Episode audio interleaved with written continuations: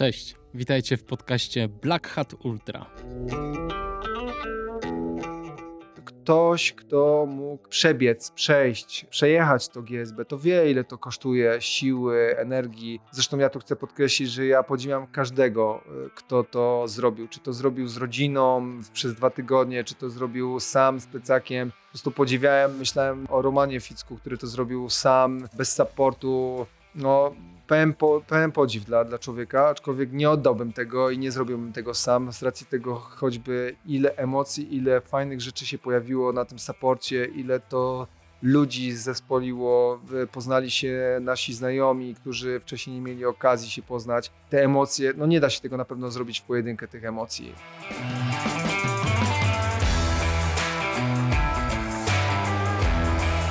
To był Jarek Gonczarenko.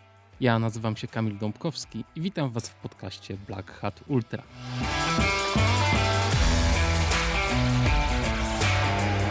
Dwudziestego 26 maja w Wołosatem spod czerwonej kropki oznaczającej początek głównego szlaku beskidzkiego ruszyło dwóch panów. E, to znaczy nie do końca. Najpierw o czwartej rano ruszył znany i lubiany Rafał Bielawa, który chciał pokonać 500-kilometrową czerwoną bestię po raz trzeci. Następnie około 4 godzin później ruszył Jarek Gonczarenko, nie mniej lubiany, ale zdecydowanie mniej znany. Panowie ruszyli z zamiarem złamania 100 godzin na trasie GSB.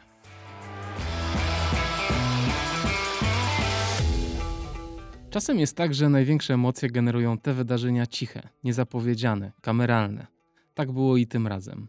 Nie jeden festiwal biegowy może pozazdrościć tych emocji, zaciśniętych kciuków, pchania kropek, zaangażowania i wspaniałych kadrów Karoliny Krawczyk i Janka Nyki. To, co wydarzyło się w tych dwóch teamach supporterskich, Rafała i Jarka, na zawsze pozostanie w ich sercach. Takiej solidarności nie doświadczamy często i uświadamia nam to, jak bardzo ultra może być sportem ważnym, bo jednoczącym nas wszystkich. Jeżeli spodoba Wam się to nagranie i zechcecie wesprzeć ten podcast, to zapraszam na patronite.pl ukośnik Black Hat Ultra. Dzisiaj chcę Was zaprosić na rozmowę z Jarkiem Gonczarenko, który ustanowił nowy rekord GSB na 95 godzin. Jak usłyszycie, podejście Jarka do biegania i trenowania do tak dużych dystansów jest zupełnie inne od tego, co mieliście szansę usłyszeć wcześniej w tym podcaście. Wielką nieobecną tego nagrania jest Kinga Kwiatkowska, wspaniała biegaczka, partnerka Jarka i szefowa jego supportu. Mieliście szansę poznać Kingę w odcinku 54 Black Hat Ultra. Nie było jej na nagraniu, bo dla niej supportowanie Jarka zaczęło się dużo wcześniej przed biegiem i jeszcze się nie skończyło, gdy u Jarka byłem. Jako osoba pracująca w szpitalu musiała nadrobić zaległości dyżurowe przed i po biegu, tak aby Jarek mógł spełnić swoje marzenie. Ogromny szacunek dla niej, dla Jarka, dla Rafała i dla wszystkich, którzy przyczynili się do tego całego zamieszania. Siedzimy z Jarkiem na tym samym poddaszu w Radkowie, na którym nagrywałem kiedyś podcast z Kingą. Woda, kawa, ciacho i lecimy. Jak się okazało, Jarek lubi mówić dużo i robi to fajnie. Posłuchajcie.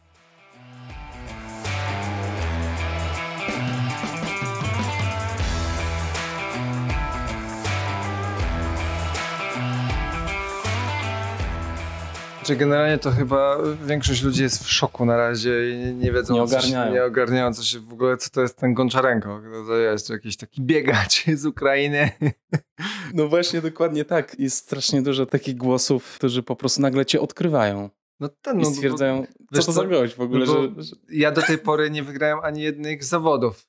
E, gdzieś, e, zawsze gdzieś tam byłem, znaczy no zawsze, nie zawsze, ale gdzieś tam byłem pierwszy, drugi, czwarty, tak, już się śmieją, że jestem takim zawodnikiem drugiego miejsca. A nigdy nie wygrałem żadnych zawodów, no to też skąd mieliby mnie znać. No. Nie udzielam się w internecie, nie jestem człowiekiem, który jest, nie wiem, twarzą jakiegoś e, Dynafita czy, czy jakiegoś, jakiejś innej marki, która gdzieś sponsoruje biegaczy. To prawda, dlatego Jarku przyjechałem do ciebie, żebyś opowiedział trochę o sobie. Niestety, to jest wynik tego, że za dobrze pobiegłeś to GSB. No gdybym wiedział, to bym rzeczywiście troszeczkę zwolnił. I już oddał Rafałowi ten, ten rekord. Tak, tak. Znaczy, wiesz, jednak dalej rywalizacja sportowa u mnie jest e, na takim poziomie, że no śmieją się, że nie potrafię grać w szachy z dzieckiem i dać mu wygrać, tak? I jak mam możliwość rzeczywiście powalczenia o jakiś dobry wynik, to to robię. Mhm. Zawsze byłem człowiekiem, który lubił rywalizację od dziecka. Tak? Nie oczywiście nie za wszelką cenę, ale rywalizacja towarzyszyła mi na pewno od dziecka na każdym etapie mojego życia. No właśnie to jest ciekawe, bo jak patrzę na e, twoje treningi, to, bo sobie na strawie na szczęście wrzucasz je, e, nie udzielasz się w internecie, ale można cię pośledzić na strawie, to i ja powiem ci, że tak z, z wielkim zdziwieniem patrzyłem na to, bo ty trenujesz jak normalny biegacz górski, a nie biegacz pod ultra 500 kilometrów.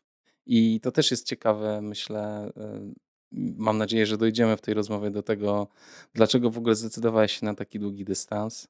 E, powiedziałeś o tym, że ty masz specjalny stosunek do GSB. Jak on się tworzył przez lata? Generalnie człowiek ma swoje jakieś marzenia. Tak? Na każdym etapie swojego życia gdzieś te marzenia próbuje realizować. Jak zacząłem biegać te 6 lat temu, nie wiedziałem kompletnie nic na temat biegania po górach, na temat biegów górskich. Jeszcze wtedy biegi górskie troszeczkę raczkowały w Polsce, no teraz to już jest jakaś taka potężniejsza machina. No, patrząc na przykład na to, że teoretycznie jesteśmy w stanie w górach startować tydzień w tydzień. Tak? I, I, nie trzeba jakoś mocno się namęczyć, żeby wybrać jakąś imprezę biegową. Wtedy to jeszcze tak nie wyglądało, mimo tego, że to jest 6 lat jak się wchodzi w coś, no to się człowiek szuka jakiegoś za, zaczepienia. Tak? Pierwszym moim zaczepieniem było przebiec dalej niż maraton. No, to był taki jeden z pierwszych założeń i, i marzeń. Bardzo szybko go zrealizowałem, bo, bo pierwsze dwa biegi e, od półmaratonu, e, maraton e, na asfalcie, a pierwsza sześćdziesiątka na bucie u Michała Kołodziejczyka to był odstęp 4 mm, czy 5 miesięcy. I to tak lawinowo bardzo szybko szło, ponieważ moim w ogóle marzeniem było przebiegnięcie półmaratonu. Ale to marzenie narodziło się wcześniej? Czy tak, właśnie? tak, ono mhm. było dość wcześnie. To jest półmaraton żywiecki. Patrzyłem z zazdrością, generalnie patrzyłem z zazdrością na ludzi, moich znajomych, którzy przebiegają ten półmaraton. I tak się zawsze drapałem w głowę, kurczę, no oni to potrafią zrobić, dlaczego ja tego nie potrafię? I bardzo długo od, odkładałem to marzenie w, w, czasie z e, bardzo prostego powodu, ponieważ byłem jeszcze zawodnikiem koszykówki. Tak jak Rafał Bielawa grałem w koszykówkę. Pierwszy grałem w, w klubie, potem grałem amatorsko w Bielsku Białej. E, I najczęściej, kiedy były te długie wybiegania, treningi, takie, które przygotowują do takiego wyzwania, to były weekendy. Więc wolałem brać udział w, w meczach i być świeży w meczach, e, niż e, żeby trenować pod to bieganie, pod to wyzwanie.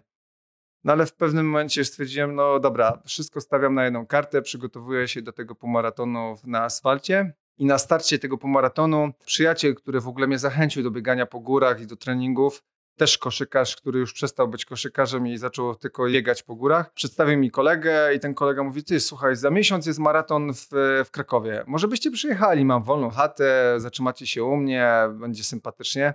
Ja się podrapałem w głowie, bo jeszcze nie wystartowałem na półmaraton, jeszcze nie wiedziałem, co mnie czeka, a już y, miałbym snuć plany o maratonie. No ale przyleciałem e, ten półmaraton w żywcu w jakoś tak bardzo fajnym czasie, jak na mnie, jak, jak na moje wyobrażenia. I tego samego dnia zapisałem się na maraton w Krakowie, który miał być miesiąc później.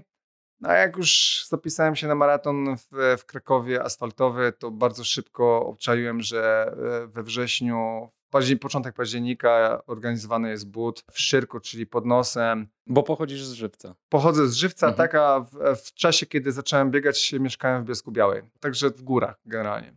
No i ten maraton z jakim czasem pobiegłeś? Pierwszy był 3,45. Tylko, tylko tak, że przez pierwsze 20 km biegałem ze swoimi przyjaciółmi, którzy mnie cały czas trzymali i mówi spokojnie, chłopie, jeszcze jest druga połówka. Co ja przyspieszałem, to oni mnie zatrzymywali. No, ja nie miałem żadnego wyobrażenia, jak może wyglądać przebiegnięcie maratonu. Co może mnie czekać po 20, bo 20 już przebiegłem, no, ale co jest dalej, tak? Nie, nie, nigdy na treninga nie przekraczałem tej granicy no 20 kilometrów to jest maksimum, gdzie się przygotowywałem do maratonu. Więc wyobrażenie tego, że jest jakaś ściana po 30 kilometrach, wyobrażenie tego, że jeszcze trzeba potem biec te 10, no bardzo prosto, jak przebiegniesz 10 kilometrów i jesteś zmęczony, to musisz szybko pomnożyć, że tak musisz biec jeszcze cztery razy, żeby przebiec maraton.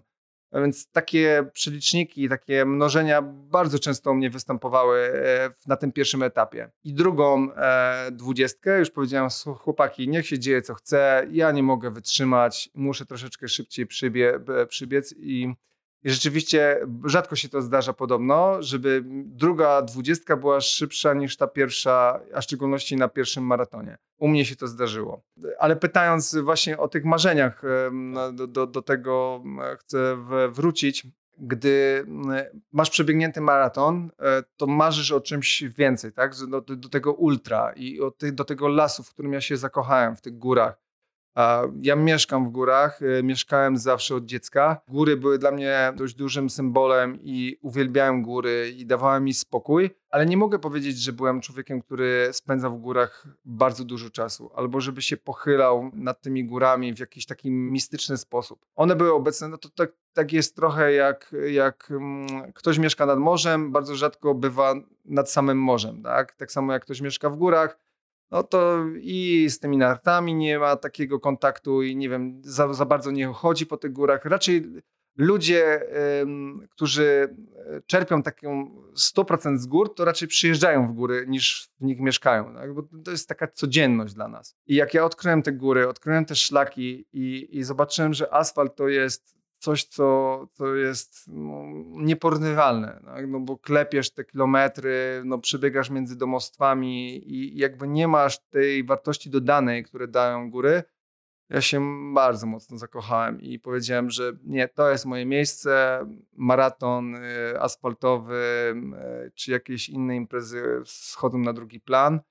E, skupiam się na bieganiu y, i trenowaniu w górach. Jak już stwierdziłem, że cudzysłowie oczywiście jestem e, biegaczem górskim, jestem ultrasem, bo przebiegłem swoje pierwsze ultra. I to u Kołodziejczyka w Tak, i to u Kołodziejczyka i to też fajna historia, bo to pierwsze ultra przebiegł ze mną mój przyjaciel, który jest też związany jakby z tym środowiskiem, bo on wywodzi się z adventure'ów, e, z tych biegów przygotowych. Teraz to prawda jest triatlonistą, ale lubi dalej góry i biegać po górach. Więc biegł ze mną, bo, bo, też nie wiedziałem, co mi może się wydarzyć na trasie, no bo dalej nigdy niż 42 km nie przebiegłem i towarzyszył mi na trasie i przybiegliśmy we dwójkę, tam bodajże na dziesiątym miejscu, ale to, to był taki power. Nie mogłem chodzić później przez tydzień, nie mogłem schodzić ze sodu, wychodzić na sodu. No, dużo rzeczy się wydarzyło emocjonalnych wtedy, ale stwierdziłem, nie, to jest ten kierunek, to wszystko minie, ja muszę wrócić na kolejne ultra i, i szukałem swoich marzeń.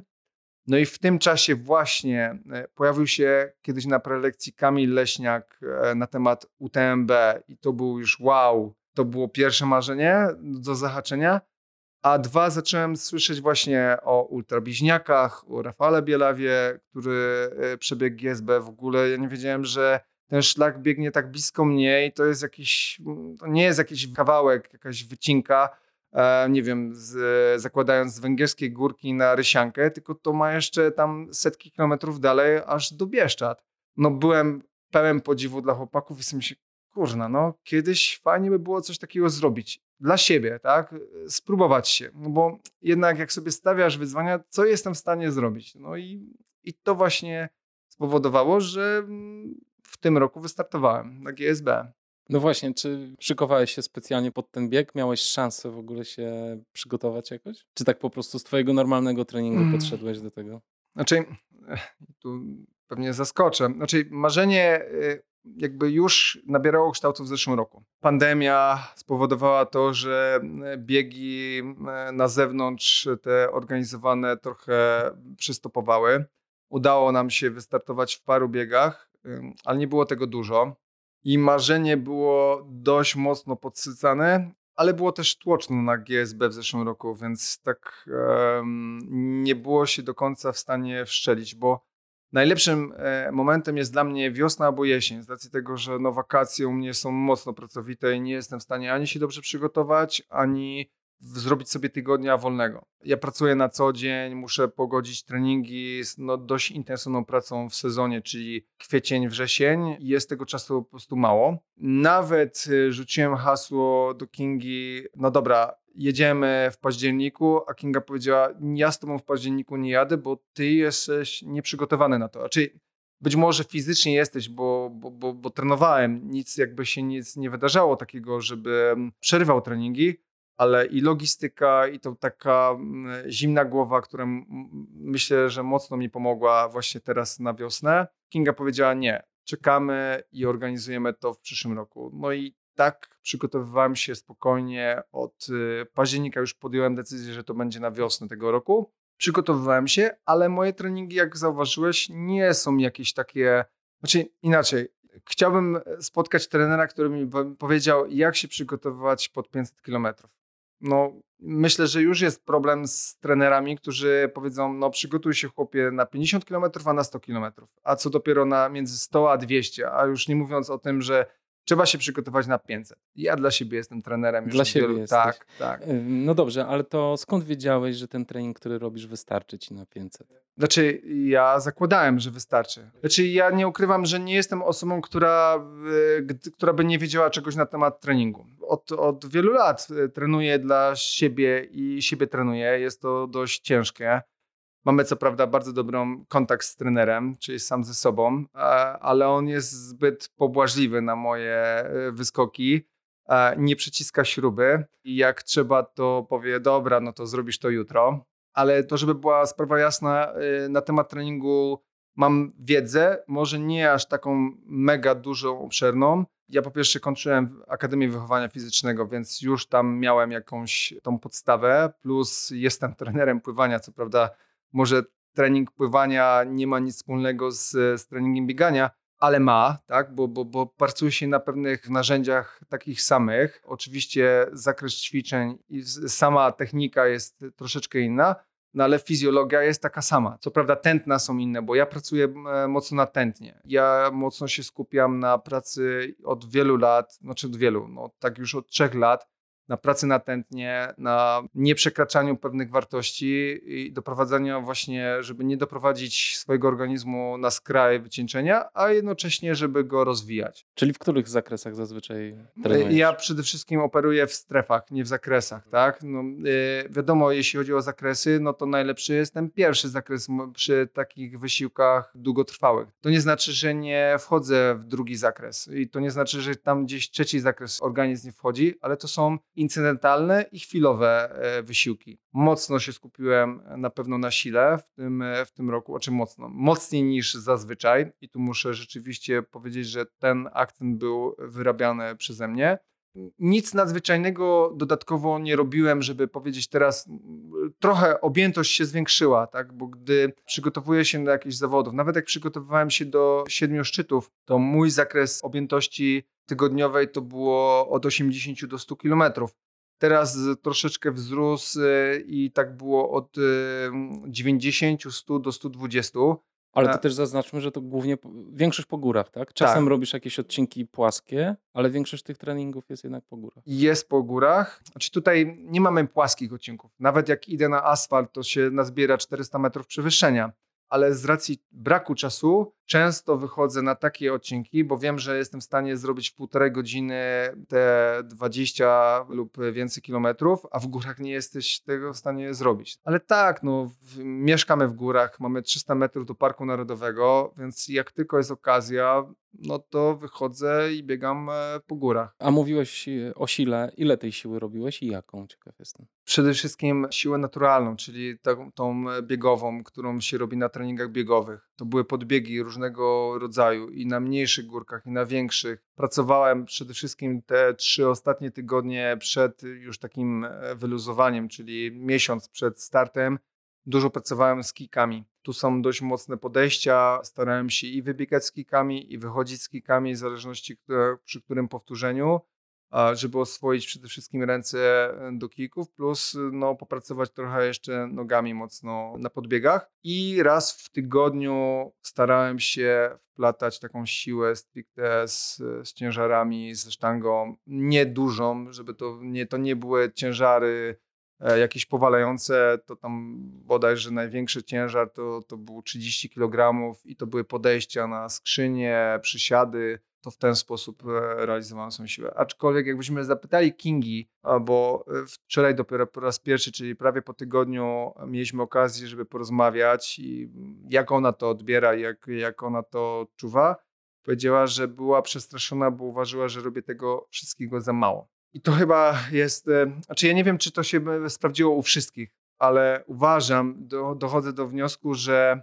Zresztą patrząc na swoje w ogóle treningi i, swoje przygotowania do wszystkich biegów wcześniejszych, wcale nie ilość tu odgrywa najważniejszą rolę. No. Jak, jak patrzyłem na twoje treningi, miałem dokładnie to samo wrażenie. To znaczy, tak jak gdybyś robił bardzo delikatne treningi, natomiast y, świetnie biegał imprezy.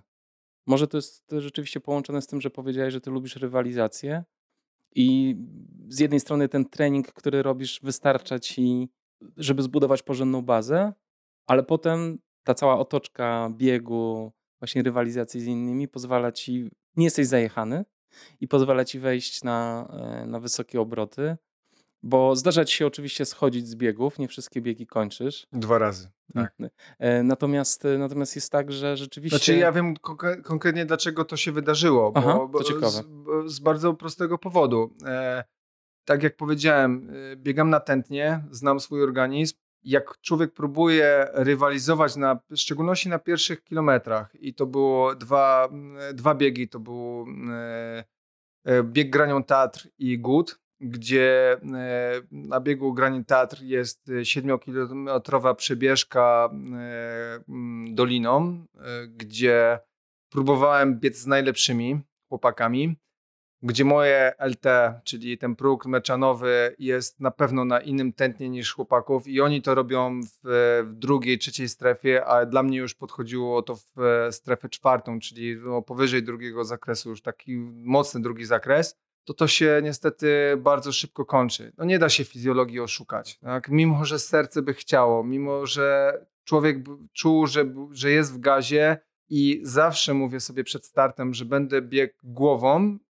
i co moim zdaniem to idealnie zaskoczyło na GSB, myślę, że akurat na ten temat jeszcze będę mógł powiedzieć, to w tamtym momencie biegłem serduchem e, i serducho mi podpowiadał, dasz radę, za chwilę będą górki, trochę tętno spadnie, będzie dobrze. No niestety tak się nie wydarzyło. I ten sam błąd popełniłem na Gucie, gdzie jeszcze na Gucie do, doszł problem później delikatnej kontuzji i 14 km przed metą po prostu zszedłem 100-kilometrowej trasy. To było dwa razy, a rzeczywiście nawiązując do tego, czy imprezy mi wychodziły dobrze, na mój taki ogląd tak, ale wydaje mi się, że byłem w stanie wyciągnąć z treningu tego, co robię od, od już e, paru e, lat, znaczy od dwóch, trzech lat łącząc oczywiście z pracą, bo naprawdę nie jestem w stanie poświęcić i nie mam takiego długiego czasu na regenerację, nie jestem w stanie zrobić dwóch treningów w ciągu dnia, trenuję pięć razy w tygodniu, czasami sześć, to będzie fajnie. Przychodzę po prostu ściorany po pracy i Kinga jest świadkiem, że czasami się wypychamy na trening, żeby iść i coś robić. Czasami to ona mnie wypycha, a czasami to ja ją bardziej motywuję do tego, żeby wyjść. I odkąd mieszkam z Kingą, rzeczywiście łatwiej mi jest, bo, bo wcześniej jak rozmawiałem ze swoim wewnętrznym trenerem i mówię, słuchaj, dzisiaj odpuszczamy, on mówi, no dobra, no widać, że jesteś zmęczony, to odpuszczamy. Teraz dochodzi do tego jeszcze osoba, która wstaje i też wychodzi na trening, to ci dodatkowo motywuje. Daje dodatkowego takiego kopa. Czy da się przebiec 500 km na takim treningu, który ja robię? Jak, jak e, pokazuje życie, da się. Ja wiedziałem, że wszystko mi pójdzie dobrze. To może tak brzmi teraz po czasie, kiedy już możemy sobie siedzieć i, i, i analizować to, ale ja wiedziałem, że ten trening, który ja robię, realizuję, jest wystarczający na to, żeby przebiec 500 km. Oczywiście, i to Kinga też e, zaznaczyła wczoraj, były aspekty, które mogą się wykrzaczyć. Po pierwsze, znowu nie wiedziałem, najwięcej przebiegłem 240. Nie wiem, co się dzieje z organizmem po kolejnych kilometrach. Nie miałem pojęcia. Nie miałem pojęcia, jak organizm będzie reagował na brak snu. Nie miałem pojęcia, jak będą wyglądać moje stopy. Nie, nie miałem pojęcia, jak mogą się zachowywać mięśnie na dalszym etapie ale wiedziałem, że jestem przygotowany fizycznie i teoretycznie e, w Excelu na to, żeby przebiec 500 km na 100 godzin. Wszystko miałem rozpisane, każdy postój był dobrze zaplanowany, każda przerwa dobrze obliczona, ile to czasu ma zająć. Oczywiście modyfikacje jakieś tam niewielkie były, ale dalej trzymałem się planu. I nie trzeba, moim zdaniem, wracając do tego treningu, nie trzeba robić jakichś niewiarygodnych objętości, żeby to zrobić. Jesteśmy w stanie się przygotować do 100 km, a moim zdaniem pobiegnięcie od 100 wzwyż to jest przede wszystkim praca głowy, a nie treningu. Jeśli jesteś dobrze przygotowany na przebiegnięcie 100 km, to tak jak kiedyś, jak pierwszy raz biegłem 100 km, nie wiedziałem, czy się da to przebiec. Po pewnym czasie, jak ktoś mnie pyta, czy ty dasz radę przebiec 100 km, ja mówię, dam. To nie jest dla mnie problem. To tak jak przebiegnięcie 10 km już dla mnie teraz, 100 km. Teraz jest pytanie, w jaki, w jaki sposób to zrobię, tak? Czy zrobię to jakościowo rewelacyjnie, czy mnie odetchnie, czy, czy będę w stanie biec przez cały czas, czy jestem w stanie rywalizować z najlepszymi. Ile cię to będzie kosztować Ile będzie to kosztowało prawda? fizycznie, Tak. ale tak jestem w stanie przebiec 100 kilometrów. Dla mnie to już jest przebieżka, no to brzmi, może oczywiście to tak brzmi teraz, jak ktoś to będzie pewnie słuchał, to jak to, to, to samo co 10 km? Tak, to samo. Czasami przebiegnięcie 10 kilometrów kosztuje człowieka więcej niż przebiegnięcie 100 kilometrów. To jest kwestia przejścia tego, tej drogi, tego, tych etapów, tego maratonu, półmaratonu, przyzwyczajenia organizmu do, do pewnych wysiłków. I jak ja stałem na starcie GSB, ja wiedziałem, że jestem w stanie przebiec 500 kilometrów. Teraz było pytanie, jak jestem w stanie, tak? I czy nie wykrzaczy się jakiś taki, taka jedna rzecz, która, a były takie parę rzeczy nawet niezależnych ode mnie, które mogłyby spowodować, że trzeba będzie przerwać ten bieg.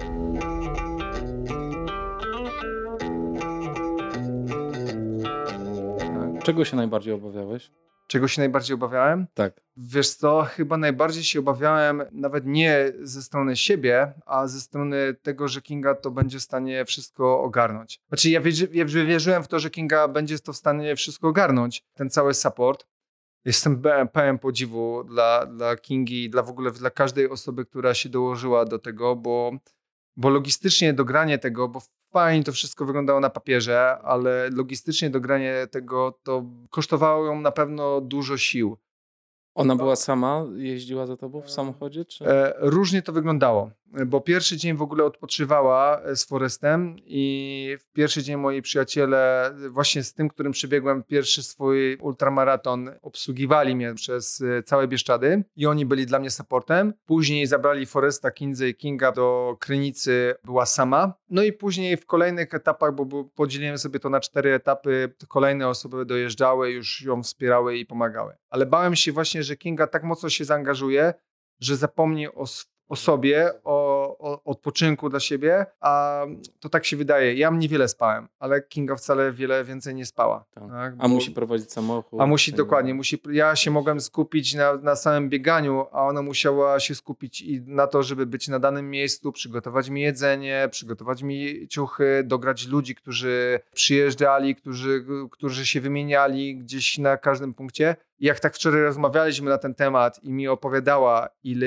i to emocji, tak naprawdę ten podcast to nie powinien być zrobiony ze mną, e, tylko ten podcast powinien być zrobiony z całą ekipą, która towarzyszyła e, Powiem ci, mi. liczyłem trochę na to, że Kinga tu będzie, a szkoda, że... E, w- No niestety, dyżur dzisiaj uniemożliwił jej tu siedzenie razem z nami, bo na pewno e, mogłaby powiedzieć o mnóstwo emocjach, które jej towarzyszyły. Tak samo pewnie jakbyś siadł z ekipą Rafała Bielawy, to by były całkowicie inne spojrzenia niż samego Rafała. Tak, tak samo są moje inne spojrzenia na GSB niż całej ekipy, która mi towarzyszyła. Oni się dzielą teraz ze mną tymi spostrzeżeniami, jak ja wyglądałem, jak ja się zachowywałem, co, co ich naprawdę urzekło, co, co, co wprawiało, że zakłopotanie. To historia o GSB to, to historia ich, a nie mnie. Ja miałem prosty cel. Przebiec z punktu A do punktu B na podstawie kartki, klepanie i, i czysta głowa. Hamowanie w Bieszczadach, żeby nie być e, za szybko, rozpędzanie się, oczywiście w cudzysłowie rozpędzanie się na kolejnych etapach. I to był mój cel. Tak? E, A opowiedz jak z pogodą, bo mi się zawsze wydaje, że największe problemy na GSB to może pogoda sprawić. Czy ty biegłeś na prognozę, czy jak to było? To, to wrócimy dalej do, do jeszcze do treningu. Jaką pracę największą chyba wykonałem w, w tym roku treningowo? Przede wszystkim e, pracowałem głową. ktoś powie, że no nie da się pracować tak mocno, wizualizowałem sobie pewne rzeczy, bo o tym, co wspominałem wcześniej, czyli o stopach, o skurczach czy o mięśniach, ja wiedziałem, że się to może wydarzyć, więc ja musiałem sobie to przetworzyć w głowie, co, jakie ja mam rozwiązania na dany problem. Dużo siedziałem, dużo się skupiałem na tym, jak to może wyglądać, jak sobie z tym radzić, w którym momencie jak zareagować. I tak samo było troszeczkę z pogodą. Nie spoglądałem w ogóle na pogodę, jaka jest w Bieszczadach, jaka jest w Krynicy. Przypuszczałem, że pada. Ludzie mnie pytali, czy sprawdzałem pogodę. Ja odpowiadałem bardzo prosto. Po co? Dla mnie to było kolejne obciążenie głowy. Nie miałem na nią kompletnie wpływu. No, nie jestem w stanie, nie jestem szamanem, cudotwórcą, który by pstryknął paluszkiem i zmienił pogodę, żeby była lepsza. Ja miałem się przygotować na to, że może być słońce, a może być też deszcz. Wiedziałem, że na deszcz muszę mieć odpowiednią ilość skarpetek, butów, e, kurtek, e, ciepłych rzeczy. E, na słońce jakieś tam filtry i dużo ilość wody, elektrolitów. Ja na to wszystko byłem przygotowany. Nie obciążałem sobie, starałem się przynajmniej nie obciążać żadnymi dodatkowymi rzeczami, na których po prostu nie miałem wpływu. A wszystkie, które miałem, na które mam wpływ, starałem sobie je tak poukładać, żeby jak najszybciej na nie zareagować. Przygotowałem stopy do tego, e, do, do tego że może być mokro i rzeczywiście było mokro, bo, bo pytałeś, jaka była w ogóle pogoda na GSB. No ja doświadczyłem wszystkich czterech porek roku, e, bo zaczęliśmy w Osatym i całe Bieszczady praktycznie były w słońcu, co też nie ułatwia biegania, bo było dość, e, tam nie są połoniny, więc odsłonięte tereny, temperatura odczuwalna była między 24 a 28 stopni, więc już to mm, daje się we znaki, w szczególności przy takim długim biegu. Drugi dzień, e, drugi dzień do Zdyni, czyli to jest jakiś około 200 kilometr, była w miarę przyzwoita pogoda i zaczął się deszcz. E, od Zdyni dość intensywny, to był wieczór, więc y, jak ktoś biegał na Łękowynie albo jakkolwiek w Beskidzie Niskim, to wie, że pogoda jest fajna, jak jest fajna, ale jak wystarczy, że popada chociaż trochę, to wszystko, całe błoto zaczyna się lepić do nóg. A miałem podejście, takie pamiętne podejście zaraz po Zdyni jest na kozie żebro, które biegnie się w przeciwną stronę, zbiega się na Łękowynie,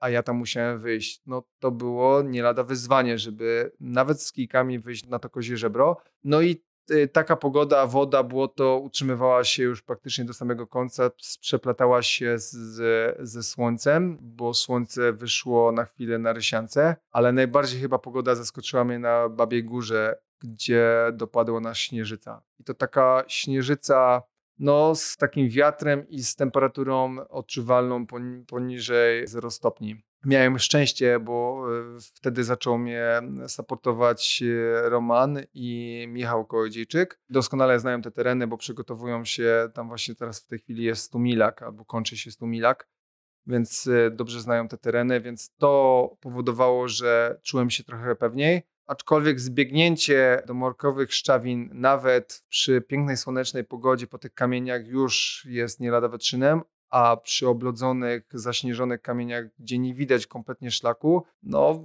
było takim momentem dość, dość takim newralgicznym bym powiedział, ale wszystko w porządku się udało. No i ostatni dzień to burze, deszcz, mokro dużo, Czyli miałeś tak połówkę mniej więcej normalną i połówkę w deszczu, drugą połówkę tak, w deszczu. Tak, tak, mhm. Także mm, pogoda nie była idealna, ale nie zaskoczyła mnie jakoś. Może rzeczywiście ta babia, e, babia góra, która mnie rozwaliła i nie byłem przygotowany nawet.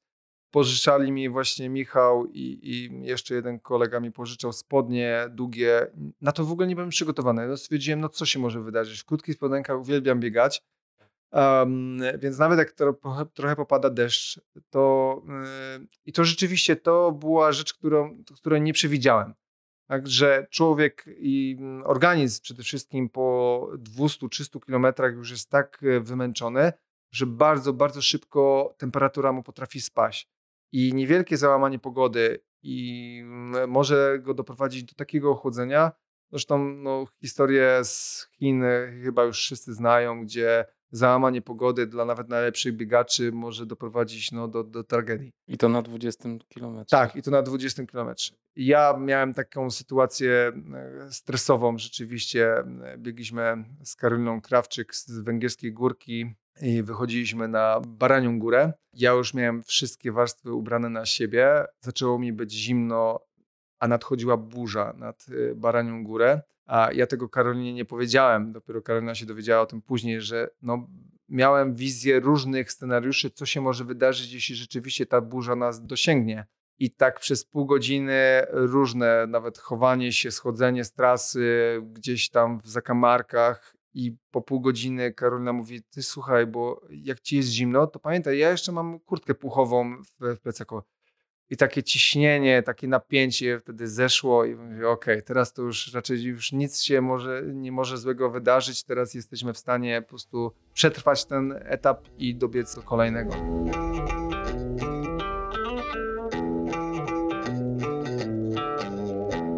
A jak z e, pożywieniem? Udawało ci się normalnie przyjmować pożywienie, czy miałeś jakieś kłopoty tutaj? Idealnie. Tak? Tak. E, w, zarówno, zarówno na punktach, jak i, jak tak, w trasie? Tak. To, to e, generalnie miałem podzielone sobie e, etapy. No, te etapy rzeczywiście były podzielone na temat tego, gdzie ktoś może dojechać. Te etapy mogły być albo najmniejszy, bodajże miał 12 km, najdłuższy 30 km. Um, było to w, w, ten sposób zawsze podzielone, że na tych krótszych, e, znaczy między etapami, czyli nie taka przelotówka jak była, to miałem 10 minut przerwy i na tych 10 minutach e, starałem się zawsze zabrać jakiegoś naleśnika, coś na szybko, naleśnik, e, jakiś banan, jakiegoś pieroga, no coś, co jestem, czy kanapkę, coś, co jestem w stanie na szybko zjeść. E, a co mm, właśnie dwa takie etapy miałem 40-minutową przerwę i starałem się zawsze 40 minut siedzieć, mimo tego, że nie było co robić, to, to siedziałem i wtedy zawsze było też przygotowane na ciepło. To były kasze, to były makarony, to były ryże, e, to były e, zupy zmiksowane, to, żeby coś ciepłego zawsze organizm przyjął. To rano była jajecznica, jakieś pierogi, no, generalnie ciepłe jedzenie nie miałem kompletnie z tym problemów. Na dłuższych odcinkach, które trwały właśnie do 30 km, dodatkowo zabierałem ze sobą żele.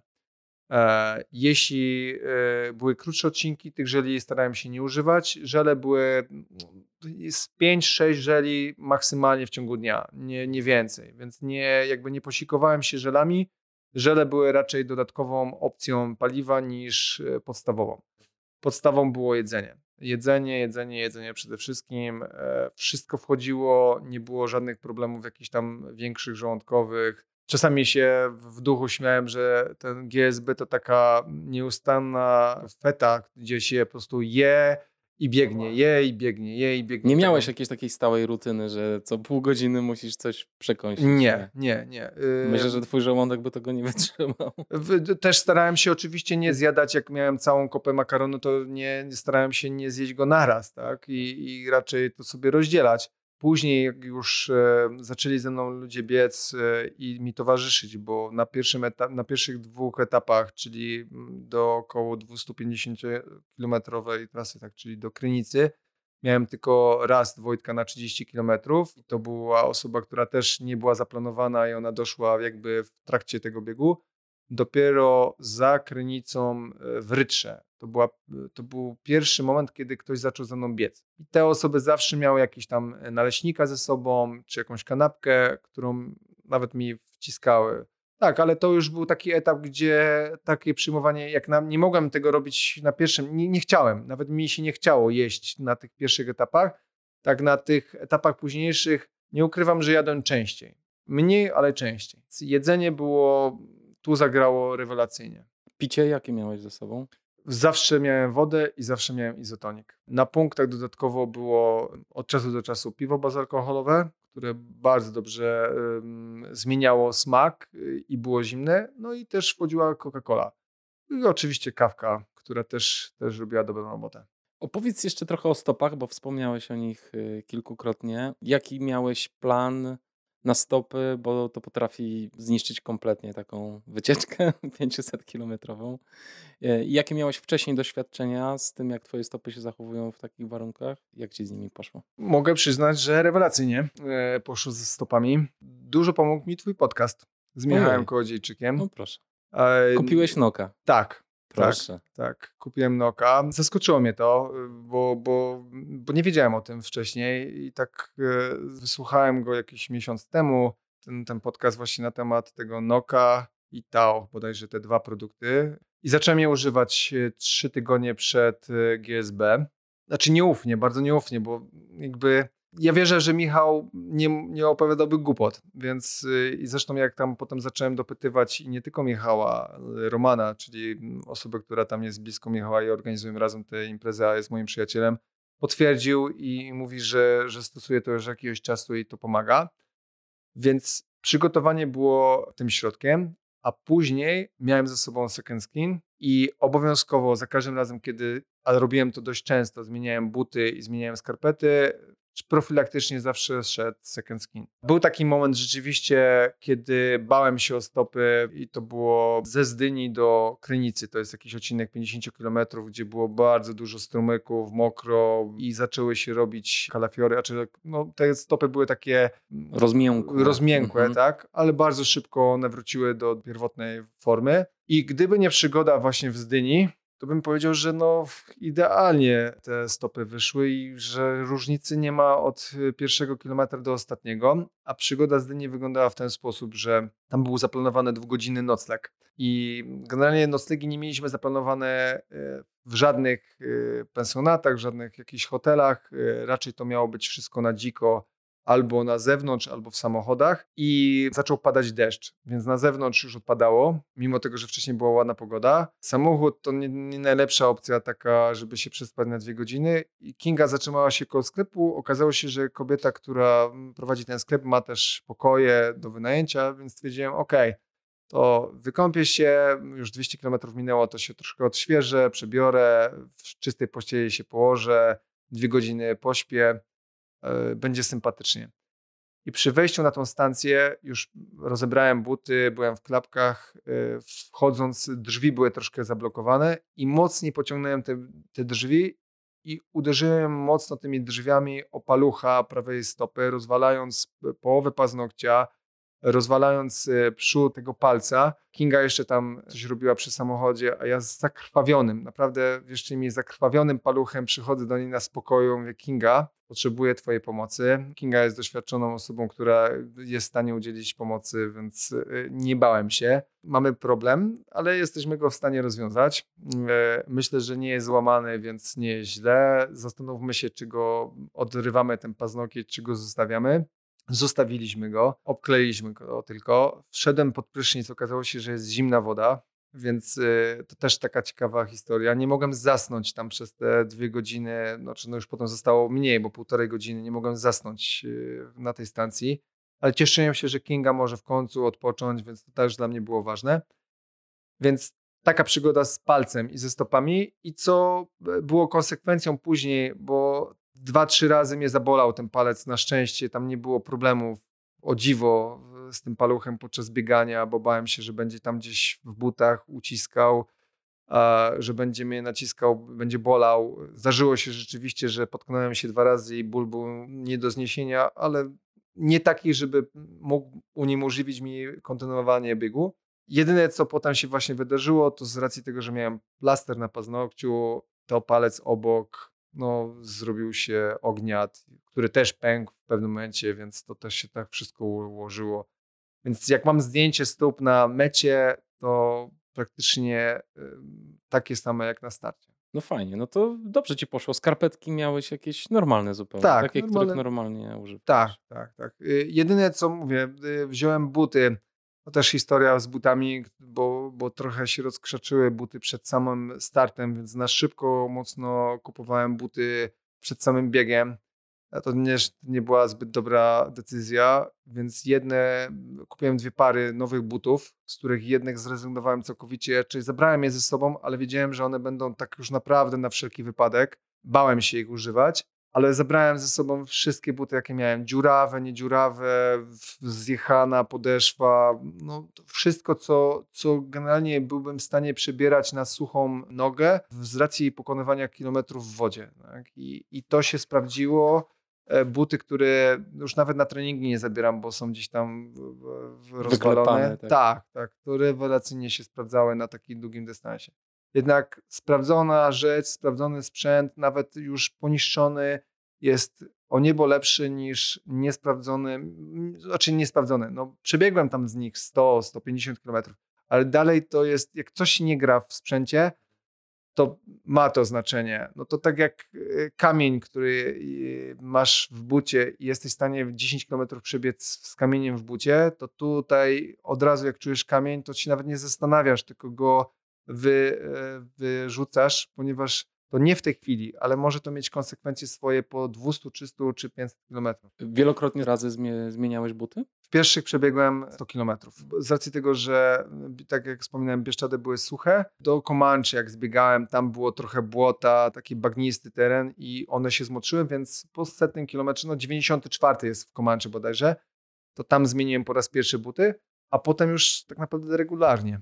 No, Regular... Na każdym, na, znaczy, za każdym razem, jak Kingę spotkałeś? Nie, nie, nie, nie, nie. Y, po prostu jeśli były suche, to nie zmieniałem i, i biegło mi się w nich dobrze. Jeśli były mokre, nawet się nie zastanawiałem. No jeden właśnie ze Zdyni do Krynicy był taki moment, bo ja nie zmieniałem, bo wiedziałem, że jak wyjdę z punktu odżywczego Mochnaczka, tak się chyba nazywa ten punkt. Y, to jest zaraz przed Krynicą. Ktoś, kto biegł w drugą stronę, to wie, że to jest pierwsza miejscowość i wie, że tam trzeba przekroczyć dwa strumyki i nie ma szans praktycznie je zrobić suchą nogą, to ja stwierdziłem, że to bez sensu, bo ja wybiegnę 500 metrów i mam mokre buty, więc zostawiłem już te buty na sobie, zostawiłem te skarpetki. Ten odcinek miał tam bodajże 12 czy 13, to był jeden z krótszych odcinków, więc stwierdziłem, że spokojnie dam radę e, go pokonać. Tak? A w Krynicy już na mnie czekali, czekali już z nową parą butów, już suchą. Wiedziałem, że już tam ta część, czyli Beskid Sądecki jest o wiele suchszy niż niski. Dobrze, co tam jeszcze z tych takich punktów, o które się obawiałeś? To czego jeszcze się obawiałeś przed biegiem? Starałem się nie obawiać mocno, tak. starałem sobie je przepracować. No ale jesteś y- realistą i starasz się być dobrze przygotowanym. Tak, tak, no dlatego jakby mm, e, staram się nie mówić sobie w głowie, co mnie może spotkać, e, raczej staram się analizować, że one się wydarzą i je od, odtrącać. Tak? No bo ja nie będę się martwił na zapas, że mnie zaczną bolać nogi, bo będą mnie boleć nogi, tak? Ja wiedziałem, że to będzie wyzwanie, to nie jest wyzwanie stylu przebiegnę 100 kilometrów, tylko to jest coś więcej. Tak? I wiedziałem, że będę zmęczony, wiedziałem, że będę senny, wiedziałem, że nie wiem, że mogę mieć jakieś tam skurcze, czy tam bóle przede wszystkim. Nawet skurczy się nie, nie, nie obawiałem na takim krótkim, znaczy na takim, przy takim tempie, jakim biegłem. Ja mam skurcze, bardzo mnie często dopadają, ale wiem, że one mnie dopadają przy większym tętnie, przy większym zmęczeniu organizmu niż tutaj. Znaczy tu było zmęczenie innego rodzaju, tak, długotrwałe, tak, ale prędkość, którą e, robiłem, nie była taka jak na zawodach. Na zawodach jest dzida, jak jesteśmy w stanie biec na, na zabój, to biegniemy na zabój. Powiem szczerze, że e, mam e, bardziej nieprzyjemne skojarzenia z niektórymi zawodami niż z GSB. I częściej przeklinałem jakieś zawody i przeklinałem w ogóle bieganie i chciałem schodzić i miałem dość niż na tym GSB. Tutaj y, z racji y, tej prędkości przelotowej, z racji tych odpoczynków, z racji tej głowy, że wiedziałem, co mam, jaki mam cel i gdzie chcę się znaleźć za jakiś czas, było mi po prostu łatwiej. E, wiedziałem, że będę walczył ze zmęczeniem. Wiedziałem, że będę walczył ze snem. E, zresztą e, gdzieś tam pojawiły się jakieś tam komentarze w internecie i rozmawialiśmy tam między sobą, że bardzo mało spałem. Rzeczywiście I, mało ile spałem. Mhm. Znaczy, ile się położyłem, czy ile spałem?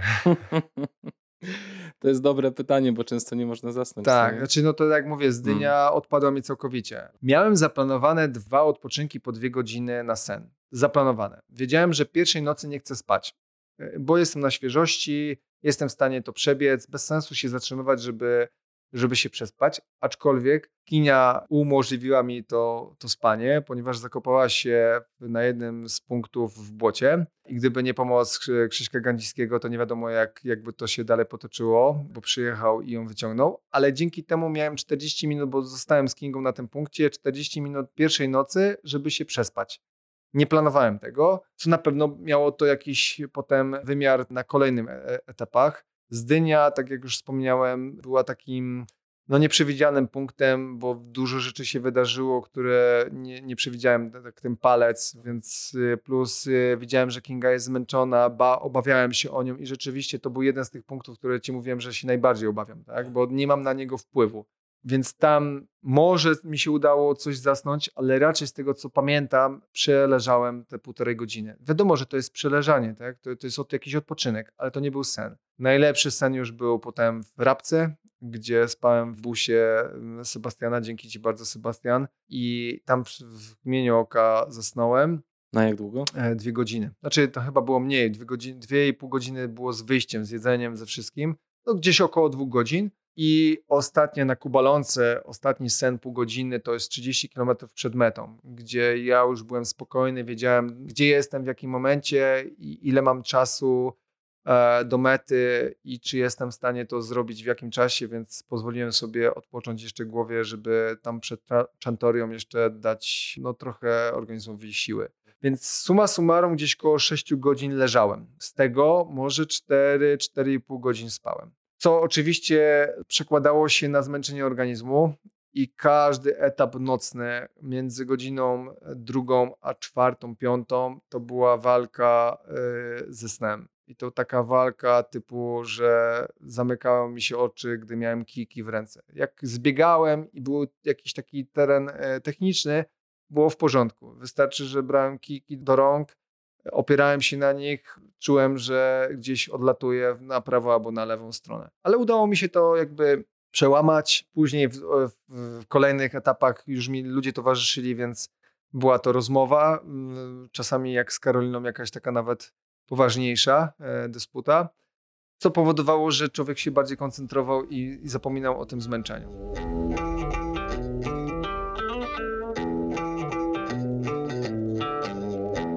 Mówiłeś, że trenowałeś głowę.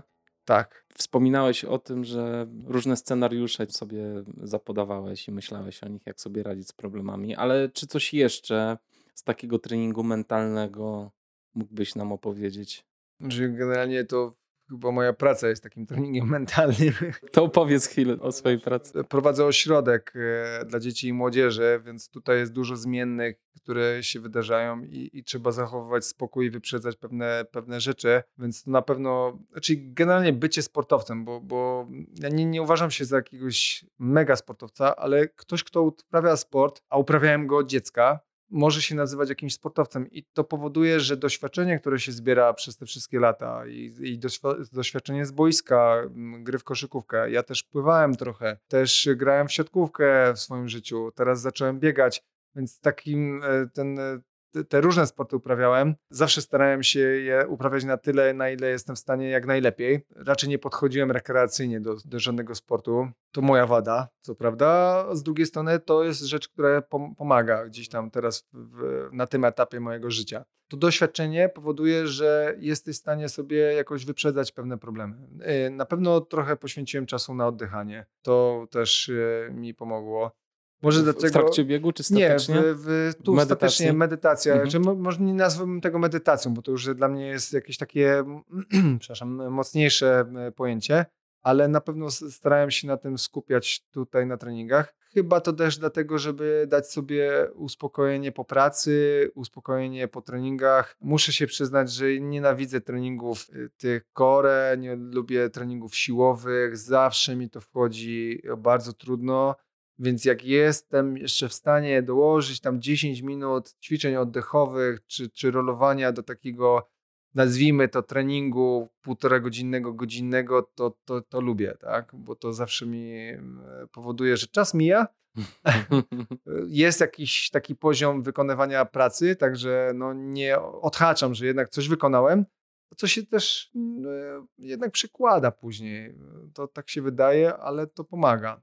Czyli trenujesz generalnie i w pracy, i na co dzień taki wewnętrzny spokój, tak? Tak, Dystans. Jak, moi, jak moi pracownicy mówią, że rzeczywiście czasami mógłbym wybuchnąć, to, to staram się to rzeczywiście robić na spokojnie, bo, bo wiem, że niektóre, znaczy to nie znaczy, że jestem takim mega spokojnym człowiekiem, że nie wybucham, że nie mam nerwów, że nie, czasami nie popełniam błędów takich, takich komunikacyjnych, bo to też mi się zdarza, ale staram się zawsze podchodzić na, na chłodno do, do pewnych sytuacji. Praca z dziećmi, bo jestem pedagogiem jakby z wykształcenia. To jest to praca, nie to, co się dzieje teraz, tylko to, co się może wydarzyć y, za chwilę. Jakie konsekwencje dana rzecz może przynieść za chwilę. Jeśli dziecko bierze zamach z piłką, to czy on sobie zrobi krzywdę, albo czy zrobi krzywdę komuś innemu. To jest ta praca to tak się wydaje, że, że to nie jest ważne, ale to jest ważne i to tak samo przynosi efekt później przekładając na bieganie. A w szczególności przy takim długim dystansie. Ja zapominam przy krótszych dystansach albo na zawodach o tym. Tak jak wspominałem, ja biegnę za często sercem niż głową. To oczywiście czasami daje pozytywy. Tak? W postaci tego, że robię, tak jak stwierdziłeś, wynik lepszy niż, niż na papierku by się to wydawało a czasami przynosi e, efekt odwrotny, czyli jednak serce by chciało, ale organizm mówi dość i niestety nie da się pogodzić jednego z drugim i się gdzieś tam schodzi, albo rezygnuje, albo zwalnia. Dla mnie najważniejsze i to też na zawodach, i to też tutaj było. Ja wiedziałem, że ja walczę z jednym zawodnikiem, jednym, jedynym, czyli ze sobą i ze swoimi słabościami. Tak samo mam na zawodach. Może to też jest minus mojej rywalizacji. Może to dlatego nigdy nie byłem na najwyższym stopniu podium, e, że ja skupiam się przede wszystkim na sobie i że nie jestem w stanie pójść tak w odcięcie, takie, tak, do, takiego, do takiej granicy um, już takiej totalnej e, dno, zero paliwa, zero jakiejś możliwości, ale idę na zabój, bo, bo tam jest zawodnik, którego jestem w stanie dogonić. Tak? Zawsze mówię sobie spokojnie, to ty rywalizujesz ze, ze samym sobą, jeśli to ci da pozycję taką i taką, to rewelacyjnie. Jeśli nie, to biorę w strzemno drugie, czwarte, szóste miejsce. Nigdy z tym nie miałem problemu, żeby no, przegrać. To nie jest złe słowo, bo oczywiście jest jeszcze parę dziesiąt osób za mną. Ale, żeby uzyskać gorszą lokatę. Tak, tak, mhm. tak, tak. Mhm. Jest to niewątpliwie cecha, która z jednej strony pozwala na chłodno podchodzić, ale z drugiej strony być może, jak to mówią, kto nie ryzykuje, nie pije szampana, tak? Nie potrafię ryzykować. Ale ciągle lubisz tę rywalizację. To uwielbiam. Mhm. To nie, to słuchajcie, no ja skłamałbym, gdybym powiedział, że nie lubię rywalizacji i oczywiście ona ma jakiś aspekt, no, no po to staję na starcie zawodów, żeby rywalizować, żeby zobaczyć, gdzie, na jakim etapie jestem i kto, kogo jestem w stanie pokonać ale jak już staję fizycznie, to ja nie walczę z, y, z imionami czy nazwiskami, walczę ze sobą. Ja muszę pokonać siebie, żeby to mi pokazało, w którym miejscu ja jestem na skali, tak, czy na liście startowej pozostałych osób. I to dla mnie było ważne. No mówię, to być może to jest tłumaczenie mojej słabości. Jarek, zostaw go, on gdzieś tam się zmęczy później, e, on może osłabnie, ty go dogonisz, ty walcz ze sobą. Jak teraz przyspieszysz, może to być konsekwencje mieć przynieść, przynieść na tam 20 km przed metą czy 10 km przed metą. Ty masz zrobić dobrą robotę, tak? I skup się na, tylko i wyłącznie na sobie. Ale wracając jeszcze do, do treningu mentalnego, ja bardzo dużo siedziałem z, z kartką i z Excelem. Rozpisałem sobie każdy warianty, każdy wariant y, i jak to wygląda czasowo, ile mam podejścia, ile mam zbiegu. Wiedziałem, w którym momencie mam zabrać kiki, kiedy, kiedy kiki odłożyć. To prawda, już później te kiki już mi towarzyszyły cały czas przy ostatnich etapach ale na pierwszych e, dwóch etapach odkładałem wtedy, kiedy nie musiałem, mm, bo stwierdziłem, że no nie będę przemęczał zbyt bardzo rąk. Dużo siedziałem nad tym. Na papierze było to rewelacyjne, na papierze byłem no, już rekordzistą, znaczy rekordzistą, że łamię te 100 godzin, tak? Dla mnie to już było fantastyczne. Zresztą zakładając, dla mnie moim wyzwaniem e, i podkreślę to jeszcze raz, nawet nie było to 100 godzin, nawet nie był ten rekord. Ja chciałem przebiec GSB. Przebiec. A co to przyniesie? Oczywiście na początku zakładam już jakiś cel. No to ciężko też jest i przebiec, bo ja bym mógł to zrobić 12, 14, 20 godzin e, dłużej i też bym przebiegł, tak? Patrząc na tą nutkę mojej rywalizacji, o której rozmawialiśmy przed chwilą, to owszem, cel był przebiec, ale w jakimś konkretnym czasie. Oczywiście ja jestem swoje priorytety, jestem w stanie zmieniać. Um, czyli jeśli bym widział, że no, to nie wypala to, co przygotowałem sobie na, na kartce, no to trzeba zmienić trochę priorytety. Już nie jest to 100 godzin, ale na przykład 107, bo to też taka była opcja. Jeśli nie 107, to niech to będzie przynajmniej 115, tak żeby przebiec, a nie zejść. Była tylko taka jedna e, nić, e, która mogłaby to przerwać, to znaczy musieliśmy być w, w Krakowie w niedzielę wieczorem, więc jeśli bym czuł, że nie jestem w stanie zdążyć, to pewnie bym powiedział, no okej, okay, no nawet jakby to było 20 kilometrów przed metą, no trzeba byłoby skończyć, bo, bo mieliśmy inne prywatne rzeczy, które, które nas zobowiązały do tego, żeby być w Krakowie na wieczór. Czyli życie potrafi też czasem tak, dogonić tak. i zmienić takie Tak, tak. No to jest w ogóle plany. niesamowite, bo no to nawet jak z terminem e, tego GSB, bo, bo trochę on się przesuwał, mocno byłem uzależniony od Kingi, bo Kinga pracuje w szpitalu, COVID, y, bo pracowała też na, na oddziale covidowym. Dostała informację, że nie ma szans na urlop w maju. Na szczęście tam się udało tak pozamieniać, że dyżury poprzesuwała właśnie dlatego teraz robi maraton dyżurów, dlatego robiła wcześniej maraton dyżurów po to, żeby mieć okienko y, bez dyżurów w ciągu tygodnia, więc jak tylko dostałem taką informację, to było dosłownie 4 tygodnie przed y, startem, bo to, to się tak mocno przesuwało, że to miał być środek maja, to miał być końcówka maja. Zresztą trochę też nam pomógł tym pandemia, że odwołano zawody na Węgrzech, bo tam w Salomonie mieliśmy hangary Ultra Trail startować mhm. i jak odwołali, to też wiedziałem, że mam okienko w pracy, gdzie już mam urlop zaplanowany, ja przynajmniej. Teraz dopasować do tego Kingę i to też niewątpliwie y, gdzieś nam ułatwiło później organizację tego biegu.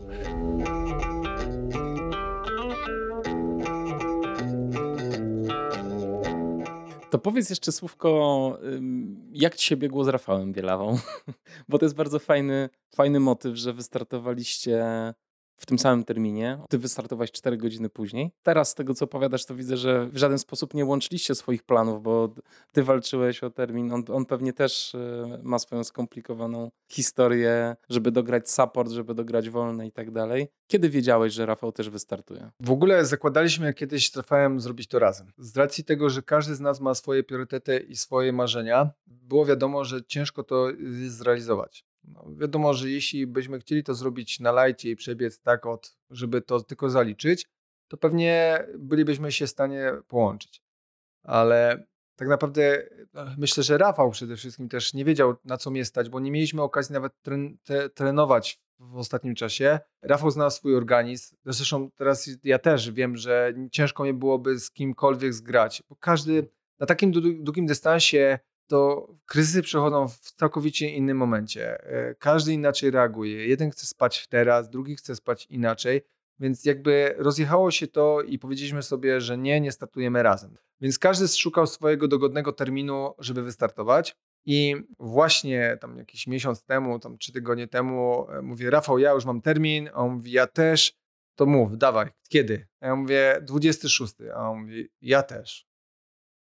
I tak w ogóle kompletnie nie zaplanowaliśmy tego, że będziemy biec razem, a wyszło razem. Wyszło razem, że spotkaliśmy się tego dnia, znaczy no nie spotkaliśmy się, ale wiedzieliśmy, że jesteśmy razem na trasie i razem startujemy. Rafał rzeczywiście wystartował wcześniej. Przede wszystkim też z tego, co mi Rafał opowiadał, on chciał jak najszybciej uniknąć połonin, bo źle reaguje na ciepło. Ja miałem gdzieś tam w planach rzeczywiście od 8 wystartować, e, z racji tego, że mieszkałem w Komanczy, spędzałem pierwszą noc, a nie w Osatym, więc miałem jeszcze do przejechania półtorej godziny, więc zanim ja się obudziłem, spakowałem, zjadłem, przejechałem te półtorej godziny. Dla mnie dogodnym terminem było właśnie poranek 8, 8 rano. I powiem tak, jeśli chodzi o Rafała, wiadomo, że gdzieś w podświadomości, jak wiesz, że ktoś tam biegnie przed tobą, to nie wiem, może to pomóc, może to zaszkodzić. jeszcze raz, e, jak tam e, podkreślam, ja starałem się całkowicie wyrzucić to, że Rafał biegnie przede mną. Dostałem informację w Cisnej, że Rafał zrobił 20 minut szybciej ten odcinek i wtedy była prosta informacja dla mojego supportu. Nie chcę wiedzieć kompletnie, jak biegnie Rafał. Nie chcę, bo to może mieć wpływ na mnie. Tak? Bo ja będę albo próbował, jak będę czuł, że Rafał mnie, nie wiem, ucieka, to ja będę przyciskał, tak? Jak, no nie no, bardziej się bałem przyciskania niż zwalniania, no to, to umówmy się. Nie chciałeś, żeby to miało na, na ciebie jakikolwiek tak, wpływ. Tak, tak. Znaczy to ma wpływ, no to, tylko się nie da tak, Tak. e, z abstryknięciem Ale bez uwolnić. konkretów Tak, bez, znaczy ja mówię, nie chciałem wiedzieć. Wiadomo, że tam gdzieś się pojawiały jakieś osoby, gdzieś tam się te supporty mijały. Krzysiek Dołęgowski e, gdzieś tam e, życzył powodzenia, więc ja wiedziałem, że to, no, nie da się go całkowicie wyrzucić z trasy, z mojej głowy, ale ja nie wiedziałem nawet, o której on wystartował, nie wiedziałem dokładnie godziny, bo wiedziałem, że między czwartą a piątą, bo Rafał mi mówił, że będzie startował między czwartą i piątą, ale dokładnie o której godzinie nie miałem pojęcia. Nie miałem pojęcia, ile jest przede mną. Starałem się to całkowicie e, tonować i ktokolwiek, jak próbował, przepraszam, e, mówić na ten temat, ucinałem to. Nie interesuje mnie ta, ta informacja. I po raz pierwszy na Kubalący, czyli 30 km przed metą, zapytałem wprost: Dobra, słuchajcie, teraz już nie ma kalkulacji, nie ma mm, tutaj zastanawiania się. Lubię Rafała, e, mm, z, przyjaźń przyjaźnią, ale s- m, sport i rywalizacja jest najważniejsza. Ja teraz już możecie mi powiedzieć, gdzie on jest, ile mi zostało, czy ja mam nie spać, bo tam właśnie był ten ostatni, e, ostatnia noc i, i ten, e, czy mam zaryzykować iść w trupa i spróbować go doganiać, tak, bo jest różnica między nami, bo ja wiedziałem, że tak naprawdę przez cały czas mniej więcej ta różnica się utrzymywała. Ja nie wiedziałem, że ja go doganiam, ale mniej więcej wiedziałem, że tam z tych informacji, tam ktoś coś mówił, ktoś coś opowiadał na tych punktach, więc tam no, siłą rzeczy tam coś dochodziło do mnie, ale to były e, jakieś takie szczątkowe e, wypowiedzi i na tej kubalące dowiedziałem się, że mam 2 godziny 40 minut e, już zapasu nad Rafałem, czy już go dogoniłem, przegoniłem go, więc ja mówię, dobra, no to ja spokojnie sobie idę się położyć. Ja nie będę tutaj szedł w, w trupa, żeby komukolwiek udowadniać, że nie wiem, że jeszcze jestem w stanie tam coś dołożyć, tak? Ja się wyspałem, znaczy wyspałem w cudzysłowie 30 minut, wystartowałem, po czym się okazało, że Rafała minęłem.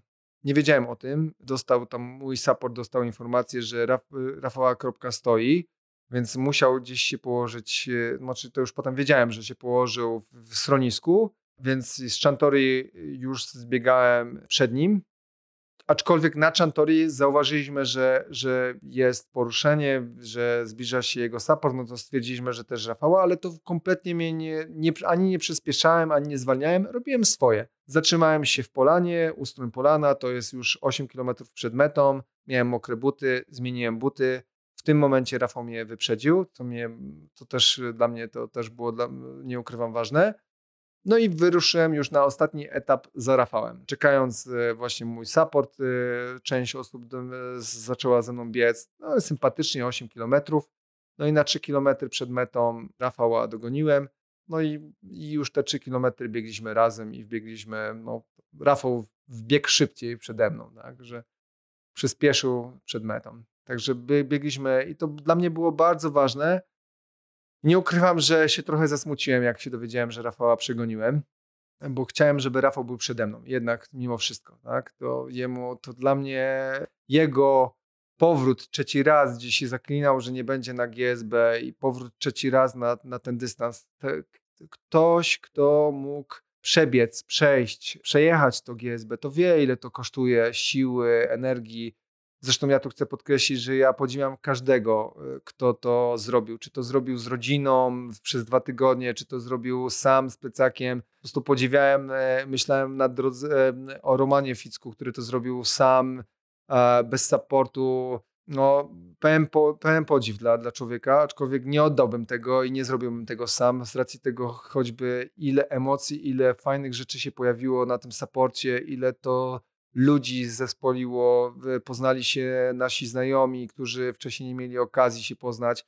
E, Te emocje, no nie da się tego na pewno zrobić w pojedynkę tych emocji. Tak? To No właśnie, ten y, wymiar społeczny też jest Oj, niesamowity, s- prawda? nie zamieniłbym tego. E, Ja, znaczy, mi się podoba taki, taka rywalizacja z samym ze sobą i organizacja e, wszystkiego, ale ja zakładałem od, od początku, że, że tego nie jestem w stanie zrobić e, tak, jak to Roman zrobił. I naprawdę wyczyn, no pierwsza klasa. To jest e, dla mnie e, coś, co bardzo często mi przychodziło w głowie. Tak? Jak człowiek dużo mu dodaje, że są bliscy obok niego. To są rozmowy, to są wsparcia, to, to są no choćby radość, że ktoś jak, taki jak Karolina przyjeżdża z, na ostatnie etapy z, z Warszawy, Janek, no zresztą nie tylko oni, bo i Mariusz z Poznania, no i moi bliscy, którzy mieli bliżej, ale po prostu to nie, jakby nie jest ważne jaka odległość, bo każdy poświęcił część swojego życia na to, żeby mi towarzyszyć. I tych emocji, które tam nam towarzyszyły, te emocje, które, o których oni opowiadają dzisiaj i pokazują mi, jak to tam wyglądało. To, jak mówię, ja mam klapki, ja miałem klapki biec, a oni wszystko to mm, jakby czuli. Tę rywalizację między mną a Rafałem, który, która gdzieś tam mimo wszystko była, tak? Ja tego nie odczuwałem. Oni tak. To, że czy ja jestem zmęczony, czy dobrze wyglądam, czy E, teraz coś zjadłem albo nie zjadł. Zmienił buty, nie zmienił, czy on dobiegnie, jest teraz za szybko, jest za wolno. No, opowiadają mi o tym teraz po czasie, niedługim, bo tak jak powiedziałem, wczoraj dopiero z Kingą po raz pierwszy mogliśmy rozmawiać. No nie zamieniłbym tych, e, tych emocji, tych ludzi na to, żeby to pokonywać samemu. A mimo tego, że podziwam Romana, tak? I, I, to nie chodzi o kwestię strachu, że no, logistycznie trzeba byłoby to dopracować, ale myślę, że właśnie dlatego. To tak samo jak z tymi e, zawodami. Zawody teraz e, w czasie pandemii są fajne, sympatyczne, ale brakuje tego aspektu społecznego, czyli tych spotkań przed, e, spotkań po, integracji, zabawy, uścisków. Ludzie patrzą na siebie z dystansem, nie spotykają się w większych grupach i owszem, no ultra jest, no dalej będzie ultra, tak? ale no, już trzeba chyba wpisać w to ultra, w te zawody właśnie ten aspekt społeczny, który jest bardzo, bardzo ważny. Że, no tak jak mówię, Krzysiek Gandziski, który w, w nocy, o pierwszej w nocy wsiadł w samochód i przyjechał wyciągnąć Kingę. Tak? Nie, nie zastanawiał się, no Kinga jest pierwsza w nocy, no kurczę, a może kogoś tam bliżej znaleźć, tylko siadł w samochód i przyjechał, tak? Są osoby, które gdzieś tam się witało, e, z którymi się rozmawiało na trasie, E, ludzie, którzy dojeżdżali, ludzie, którzy pisali, bo nie mogli przyjechać. No to są rzeczy, które niewątpliwie dodają do tego co najmniej 30-40% do tego biegania. I, i, I, nie da się tego, znaczy da się to od, odciąć, ale to już nie jest to samo.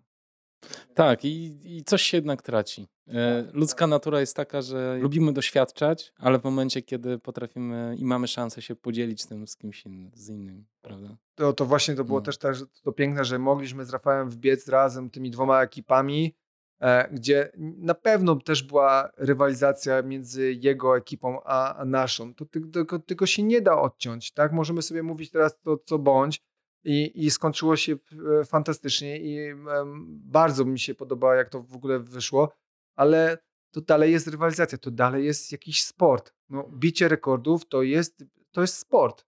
Tak? To nie jest e, wyprawa towarzyska, gdzie, gdzie sobie siadamy na każdym, w każdym stanowisku, wypijamy piwko i, i oglądamy widoczki, e, tylko to jest praca, którą wykonał, niemiłosierną pracę wykonał Rafał, nie, nie tą pracę, którą ja włożyłem, ale tą pracę, którą włożył nasz support który zrobił wszystko, żebyśmy się dostali do e, ustronia w jak najszybszym czasie.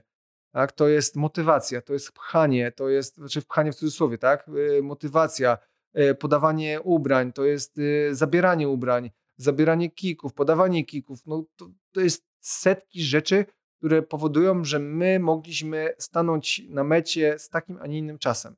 Tak? I, to, I to jest ta wartość, której bym nie zamienił w żaden, na żaden inny sposób, na żadną inną rywalizację, mimo tego, że podziwiam Romana. I to podkreślę, naprawdę gość zrobił niesamowity wynik, tak? Zresztą ktokolwiek będzie, czy Rafał Kot, czy, czy, czy e, Maciek Więcek, czy ktokolwiek wcześniej próbował to robić, czy Kamil Klik razem z Rafałem, no, czy ludzie, których mijałem, którzy to robią w pojedynkę, tak jak, e, czy, czy z rodzinami wychodzą, dla mnie są po prostu zwycięzcami i dla mnie są rekordzistami. I to, to jest niesamowite, bo ktoś, kto podejmuje takie wyzwanie, ktoś, kto realizuje swój cel, swoje marzenia i je zrealizuje jest na mecie, jest po prostu the best i jest zwycięzcą. A to, czy ktoś tam o parę minut przebiegł to szybciej, czy wolniej, tak, to, jest fajne, tak? To jest, to jest rzecz, która, która dodaje, nie, nie może nie prestiżu, ale dodaje jakiejś takiej wartości dodanej ale chyba nie jest najważniejsza. Tak? To czy, czy ja bym przybiegł za Rafałem, czy przed Rafałem, yy, chodzi mi o czasowość, tak? To dla mnie by było niesamowite to, że jestem w stanie to zrobić, przybiec, klepnąć kropkę i powiedzieć tak, fajnie. A jeszcze jakbym złamał 100 godzin, okazało się, że złamałem trochę więcej niż 100 godzin, to też no to, no, to pokazuje ci, że robisz dobrą robotę. Wcale nie jest powiedziane, tak jak rozmawialiśmy o treningu, że trzeba się zajeżdżać, że jesteś w stanie zrobić tyle, ile możesz na dane warunki. Ale robisz to dobrze, z głową. Tak, absolutnie. No i trzeba też znać swój organizm dobrze, prawda? Niektórzy potrzebują mocniejszych bodźców, żeby się. O, oczywiście. Pamiętam, jak rozmawiałem z Rafałem Bielawą te 3 lata temu, to on mówił, że on właśnie robił takie treningi po 80-90 kilometrów wybiegania. Ty najwyraźniej tego nie potrzebujesz. Znaczy, nie, czy nie wiem, co miałby mi to dać. Znaczy, tak. z mojego punktu widzenia. Tak, bo nie przygotowuje cię kompletnie do niczego. Ja testowałem siebie na zawodach. To jest dla mnie test. Te 5 lat, 6 lat to było przygotowanie do GSB. To, to wszystko idzie pod GSB każdy, oczywiście nie myśląc nawet o tym, że to robisz pod GSB, to każde zawody 240, 160 czy 120, no wszystko to jest powyżej 100, 100 km, bo nie mówimy o krótszych dystansach, to wszystko to jest pod GSB. Wiesz, jak się twój organizm zachowuje, jak reaguje na słońce, jak reaguje na noc, bo to było przede wszystkim takim kluczowym moim wyznacznikiem. Wiem, że jestem w stanie, że uwielbiam wyrypy, że uwielbiam doprowadzać się do granicy z wytrzymałości i wiem, że jak sobie postawię cel, to jestem w stanie go realizować. I trudniej mi jest realizować na przykład y, na Gucie, gdzie wiem, że już, już przebiegłem 100 km. Dla mnie to nie jest wyzwanie przebiec kolej, że na te, te 14 km, które mi zostało, to nie jest dla mnie wyzwanie, tak? bo już to zrobiłem. Inne aspekty wchodzą. Wchodzi do tego zdrowie, wchodzi do tego, nie wiem, regeneracja, bo kolejne zawody. Więc mój organizm i moja głowa mówi sobie, ok, możesz zrezygnować i to jest ciężkie dla ciebie, ale jest to do zaakceptowania. A tutaj był konkretny cel. Ja mam przebiec tam i robię to najprawdopodobniej pierwszy i być może ostatni raz. Więc musi się naprawdę walić coś, że ja zrezygnuję. Tak? Musi być naprawdę coś e, takiego newralgicznego, że ja powiem dość. Takim aspektem w mojej głowie podczas biegania była tak naprawdę tylko i wyłącznie e, praktycznie Kinga.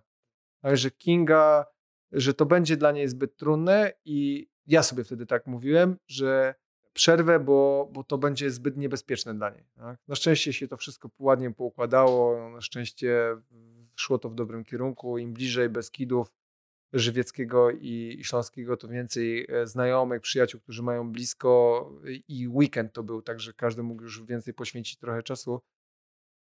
E, I to już powodowało, że moja głowa była coraz bardziej spokojniejsza. Tak? Ludzie, którzy mi towarzyszyli, rozmowy, które, które przeprowadzaliśmy, no, no nie da się tego tak łatwo opowiedzieć i powiedzieć, co one dla mnie znaczyły. Nie? To super przygoda, super przygoda tak, przeżyłeś. Tak, tak.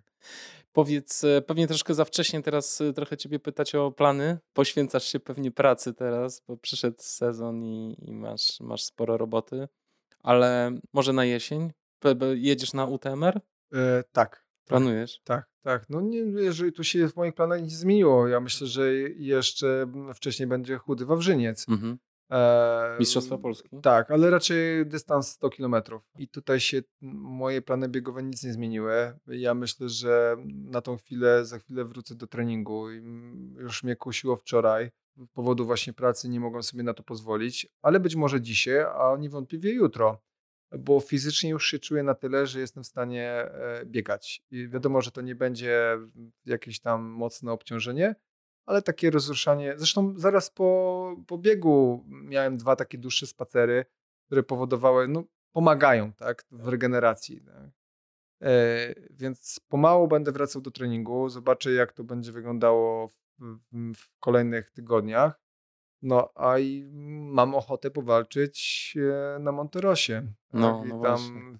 Powiem ci, że mój pierwotny, pierwotny plan na nasz podcast był taki, że e, po biegu, bo ja też tam będę biegł razem z tobą, tylko pewnie przybiegnę 10 godzin później, e, że sobie usiądziemy i sobie, wiesz, na zmęczeniu opowiemy o tej trasie.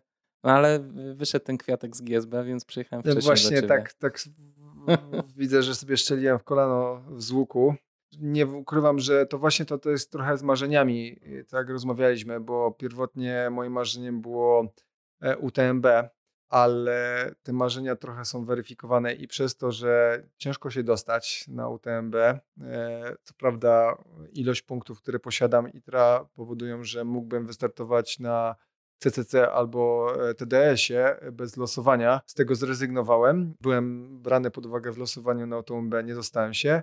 I dowiedziałem się właśnie o Monterosie, która jest mniej e, wyeksponowana w sensie takim medialnym, medialnym tak plus podobno ma o wiele ładniejsze krajobrazowo widoki. Jest troszkę trudniejsza, bo jest o 2000 więcej przewyższenia.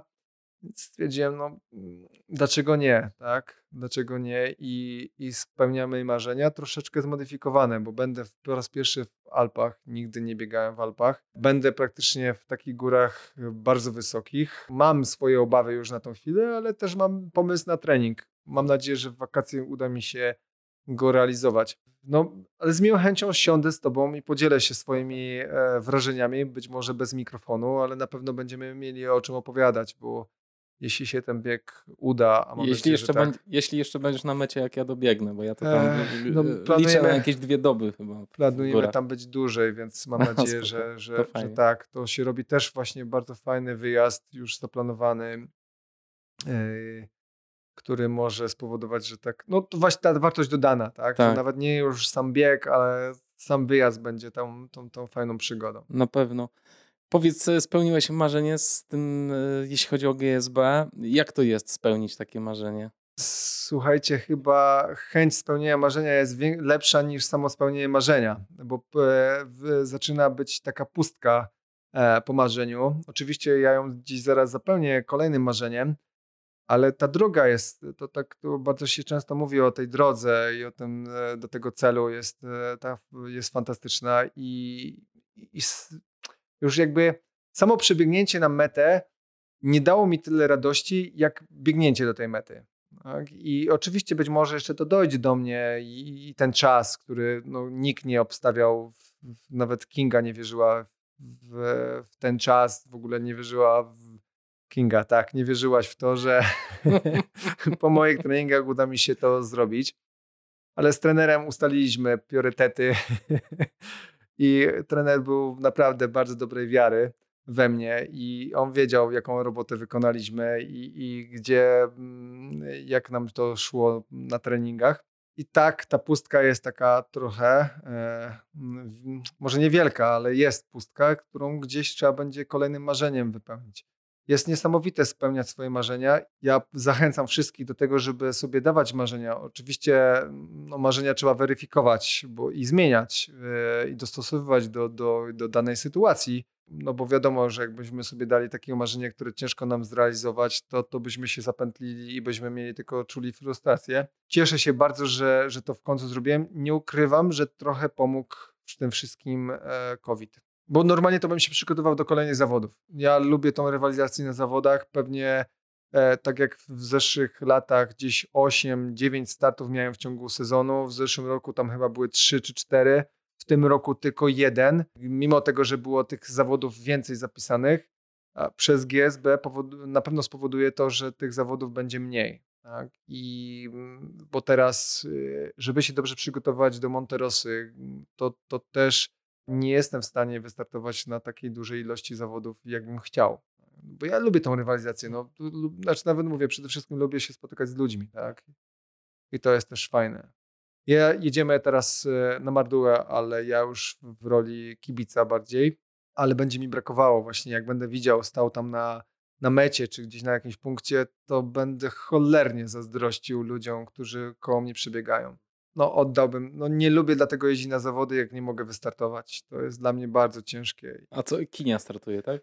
Tak, Kinia Mardue. Tak, o ile się ona odbędzie, w jakiej formie, bo wiemy teraz, że, że Kasprowy jest mocno zasypany, czekamy na komunikat jakiś dla Kingi, to też będzie bardzo ważny start, bo to e, gdzieś tam pierwsze jakieś szlify e, pod koniec teraz czerwca jedzie w Dolomity, gdzie jest główny start i potem też Monterosa, tylko że 100 kilometrów. No to też dla niej będzie ważne, ale będę właśnie starał się odwdzięczyć za to, co ona zrobiła dla mnie e, na GSB. No, niesamowita robota. Konkretna, konkretna i, i naprawdę, wierzcie mi, no więcej chyba pracy niż samego biegacza.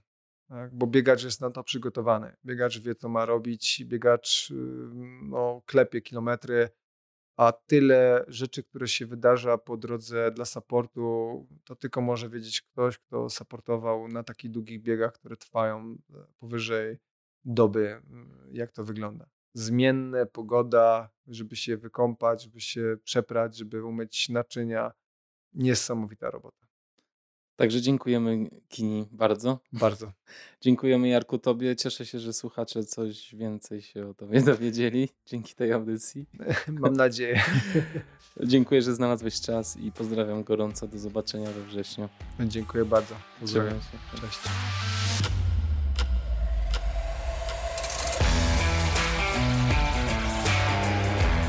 Postanowiłem, że na zakończenie przytoczę kilka słów od Kingi, która napisała piękny post na Facebooku.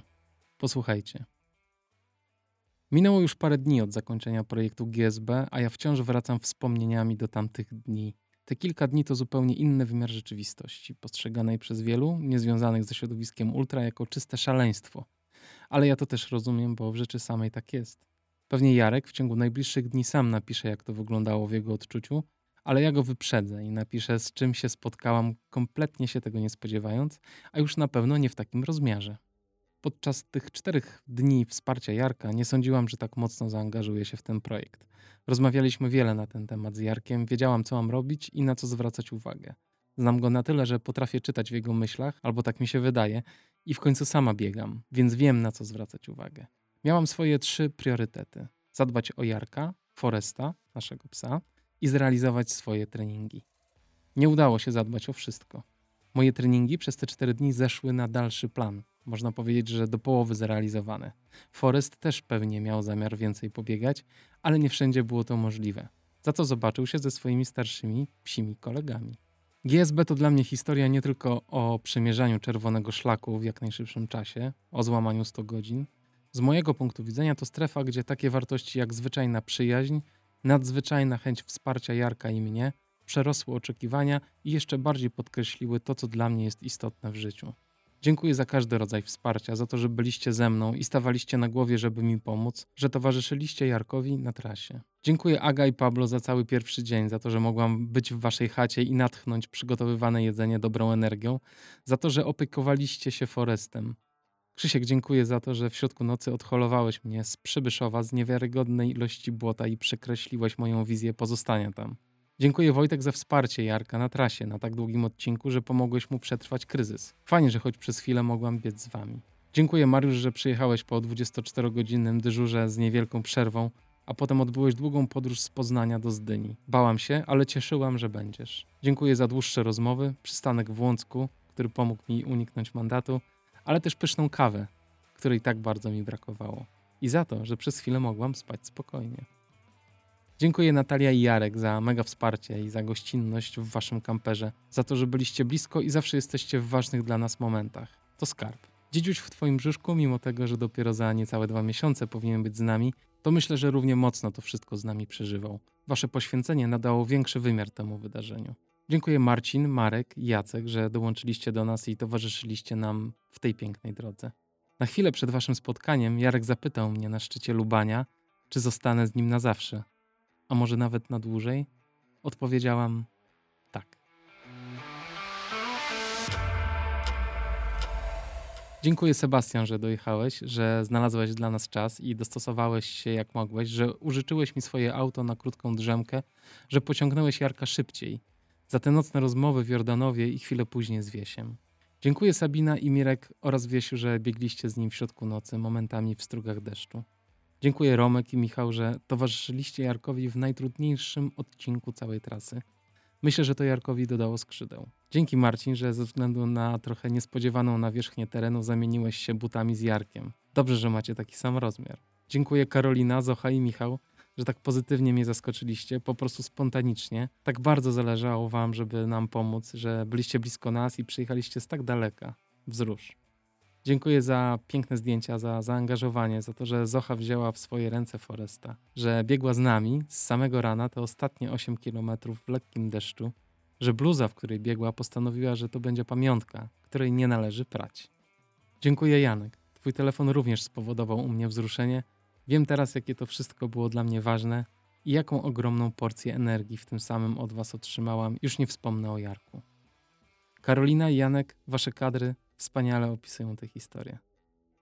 Dziękuję wszystkim, którzy tak mocno wspierali nas zdalnie, a było tych osób wiele. To jest obraz tego, jakich wspaniałych i jak dla mnie wyjątkowych ludzi mamy blisko. Wiem, że niektórzy bardzo chcieli być z nami, ale czasami jest to fizycznie niemożliwe. Myślę, że te podziękowania napisałam w dużym skrócie. Mam nadzieję, że niczego nie pominęłam, choć na pewno nie wspomniałam o tym, jakie pyszne przywoziliście ze sobą rzeczy do jedzenia. W końcu gratuluję Ci, Rafał, mój przyjacielu. Cieszę się, że tam się spotkaliśmy. Cieszę się, że Wasze podejście pokazało piękno sportu, pokazało to, co w życiu naprawdę się liczy.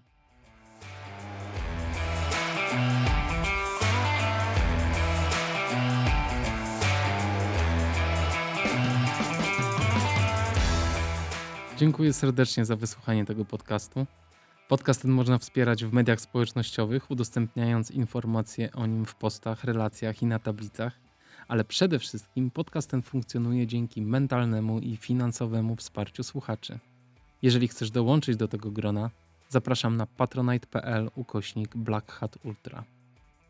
W tej chwili podcast na Patronite wspiera 128 osób, ale chciałbym wymienić tutaj alfabetycznie nazwiska tych, których miesięczny wkład jest największy.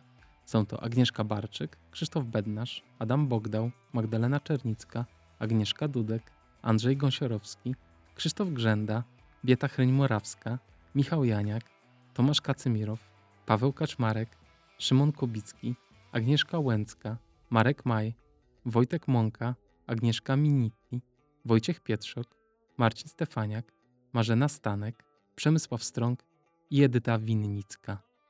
Dziękuję Wam serdecznie, kochani. Naprawdę to tylko dzięki Wam chyba wszystko się toczy.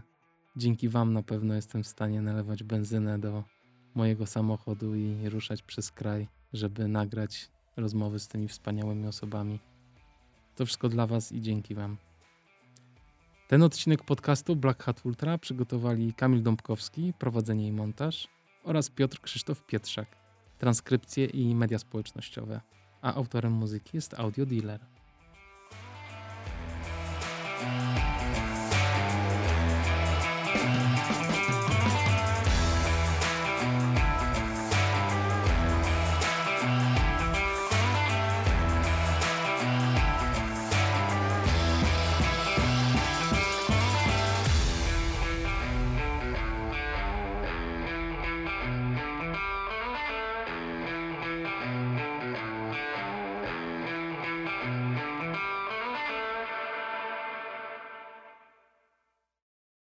Jeżeli jeszcze tu jesteś, niesamowita jest ta historia biegu na GSB. Niesamowite jest to, jak ten wysiłek dwóch wspaniałych osób połączył całe rzesze ludzi, którzy tam byli na miejscu, którzy ich wspierali, ale również tych, którzy obserwowali całe wydarzenie w internecie. To są piękne chwile, pomimo tego, że oczywiście mieliśmy do czynienia z rywalizacją to jednak była to rywalizacja na najwyższym sportowym poziomie. Rywalizacja z takim totalnym szacunkiem, łagodnością, dobrem, ale też oczywiście determinacją. Jest to po prostu coś wspaniałego. Życzę Wam takiej determinacji na co dzień i takiego dobra, uśmiechu i wysiłku.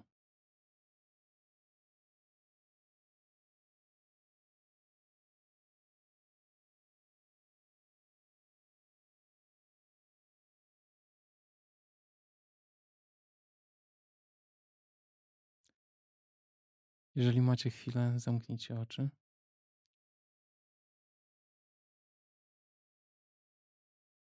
Weźcie trzy głębokie oddechy.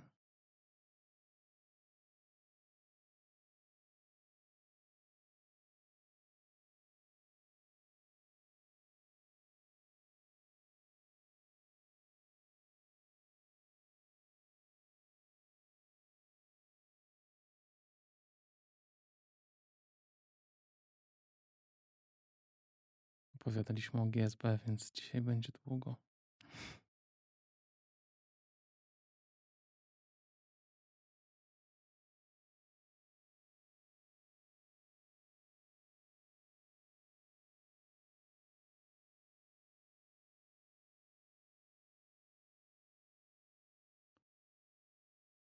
Zwróćcie uwagę, jak wasze ciało styka się z powierzchnią, na której siedzicie, leżycie bądź klęczycie.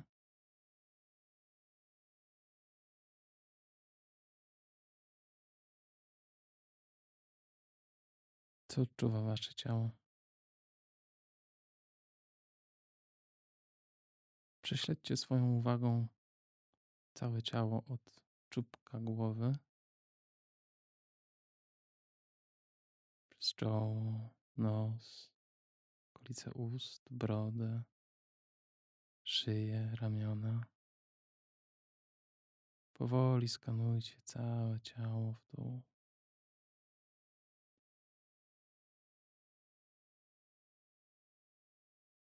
Badajcie, jak się czuje wasze ciało.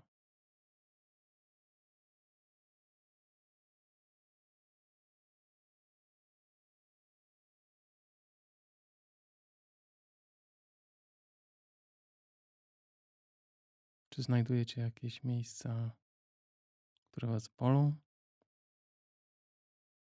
Może w jakichś miejscach jest wam szczególnie przyjemnie? Może gdzieś odczuwacie jakiś niepokój, słabość? Pomyślcie o tym. Przyjrzyjcie się, wsłuchujcie się w swoje ciało.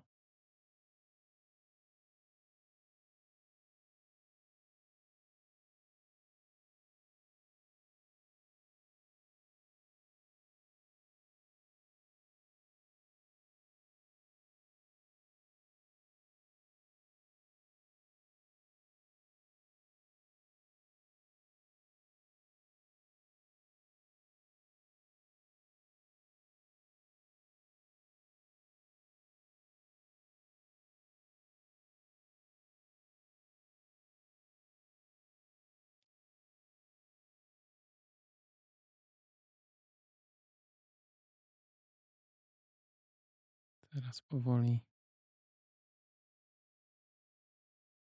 skupcie się tylko na oddechu.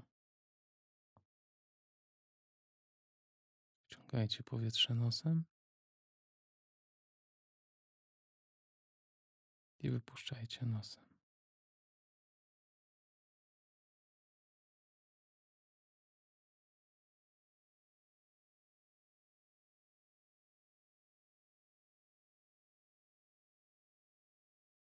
Zaobserwujcie, jak powietrze pracuje w waszym ciele. Jak klatka piersiowa unosi się przy wdechu. Jak całe ciało opada i mięknie przy wydechu.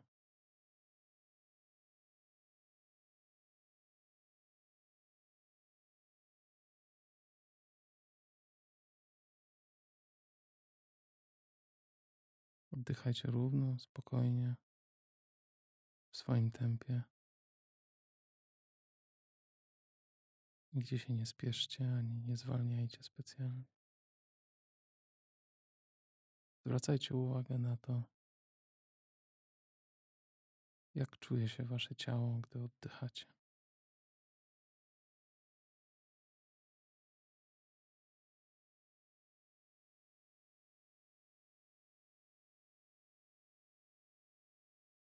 Skupcie się w stu procentach na odczuciach waszego ciała.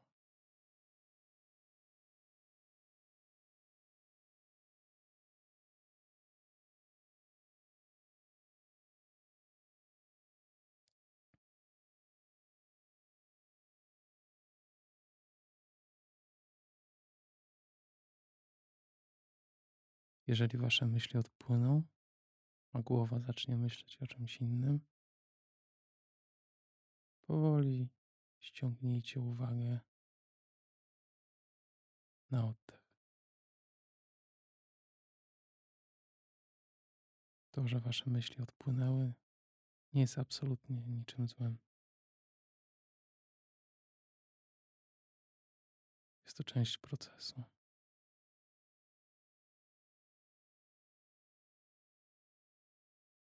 Wróćcie do oddechu. Wróćcie do skupienia na oddechu.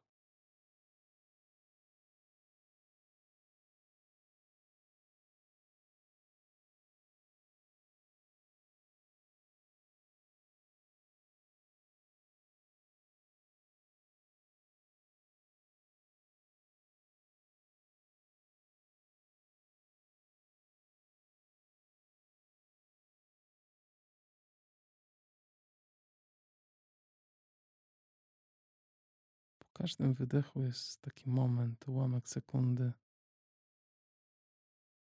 kiedy przyjmacie powietrze, a jeszcze nie zaczęliście wykonywać nowego wdechu. Jest taki ułamek sekundy. Spróbujcie śledzić swoją uwagą te momenty, kiedy wydech się skończył, a wdech jeszcze nie zaczął. Kiedy wdech się skończył, a wydech jeszcze nie zaczął. I wasza uwaga spokojnie podąża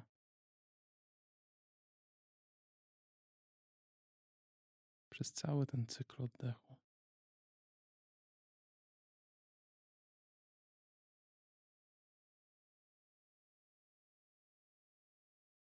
Od punktu nic do wdechu, do punktu nic do wydechu.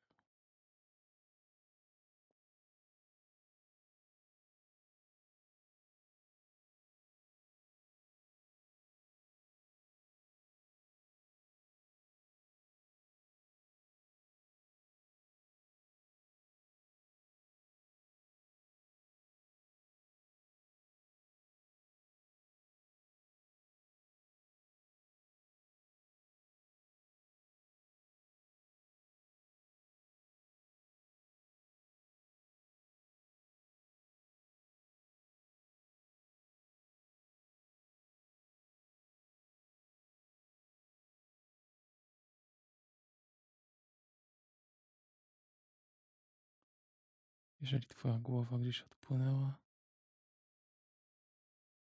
przywróć ją spokojnie do obserwacji oddechu.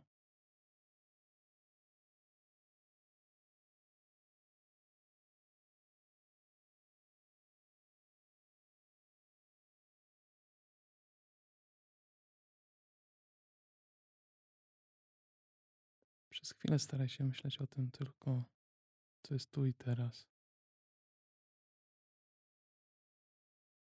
A tu i teraz masz swoje ciało, masz swój oddech. Pracuj z nim chwilkę. Niech Twoja głowa odpocznie.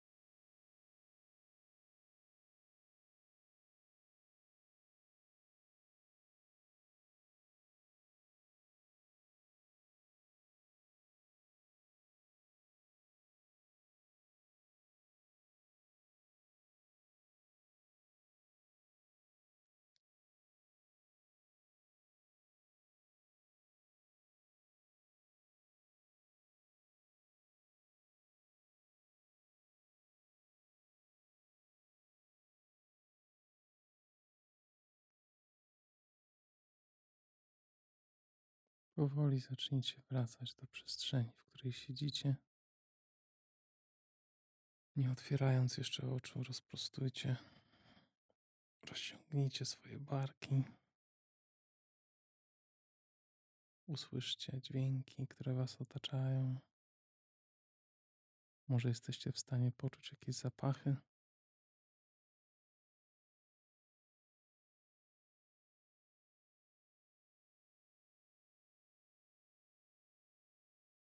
Teraz powoli otwórzcie oczy.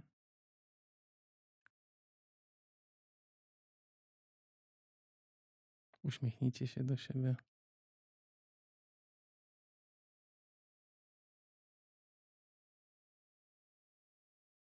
Fajnie, że popracowaliśmy razem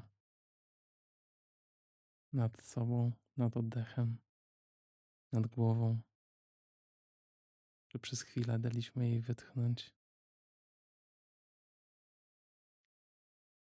że przez chwilę daliśmy jej spokój, że przez tę krótką chwilę nie krążyła i nie myślała o wszystkim. Ściskam Was mocno i do usłyszenia następnym razem. Buźka.